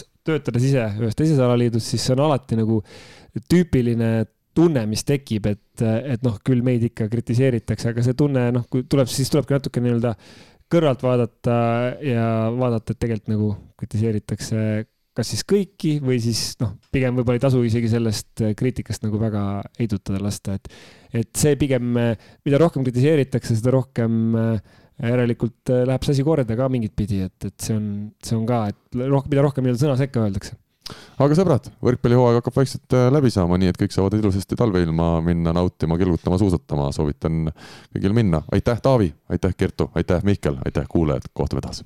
kes võidab keda, kas sina oskad ennustada seda? spordiennustus portaalis Pahv Pahv lööb pahviks. aga tänavune võrkpallihooaeg on meil juba tõestanud seda, et erilised comeback'id, need on äh, tänapäeval moes ja loomulikult teeme me siia saate lõppu ikkagi ära ka veel Pahvi ennustusrubriigi. väga lihtsalt ja lühidalt äh, selgitame reeglid ära, me teeme ennustusi kolmekümne euro ulatuses ja võtame näiteks siit kohe ette meistrite liiga, võrkpalli meistrite liigas. Siis äh, Trentino on võitnud oma kodust konkurenti Perugiat poolfinaali esimeses mängus kolm-kaks ja teises mängus samuti võõrsil võistkonnal läks võit, ehk siis Zaksa ja Gianni Kretsu said võidu Jašembe üle tulemusega kolm-null ja teised mängud siis toimumas täna, seitsmendal aprillil.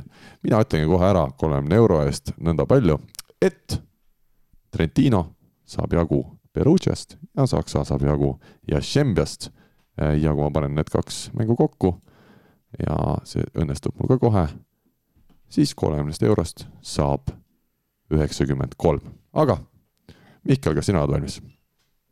võistkonda Mihkel esindama? Ja ikka, Poola naisteliiga, aitäh, ma hakkasin vahepeal sööma, sest jah, comeback olnud väga... ma ei olnud comeback'iks valmis. kas ole naiste mänge piisavalt palju vaadanud? kunagi ei ole enne läbi üks äh, mäng või saade, kui on kõlanud kohtuniku vile.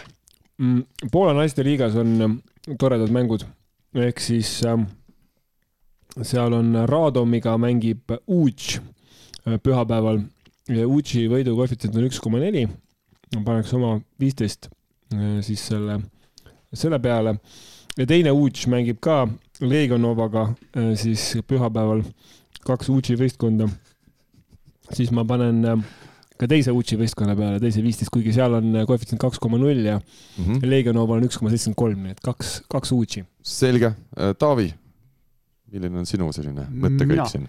võistkond, sõbrad, tere tulemast! kas me oleme mõlemad siis sõbrad? mina ei pea ennustama, mul läheb tavaliselt valesti nagunii aga teeme nii, et Taavi täna esindab üksi ja võistkonda sõbrad. Taavi teab rohkem asjast, kuigi eelmine kord ma sain pihta. ja see vahel lööb ka äike sinna, kus keegi ei oota.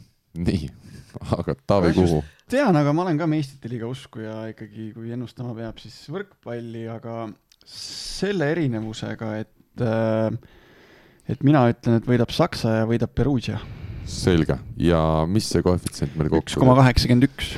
ehk siis kolmekümnest eurost, see, selle numbri me saame arvutada pärast saadet ära. aitäh veel kord kõigile osalistele ja kohtume taas. Eesti kõige põnevamad podcastid on Delfis, kuula tasku.delfi.ee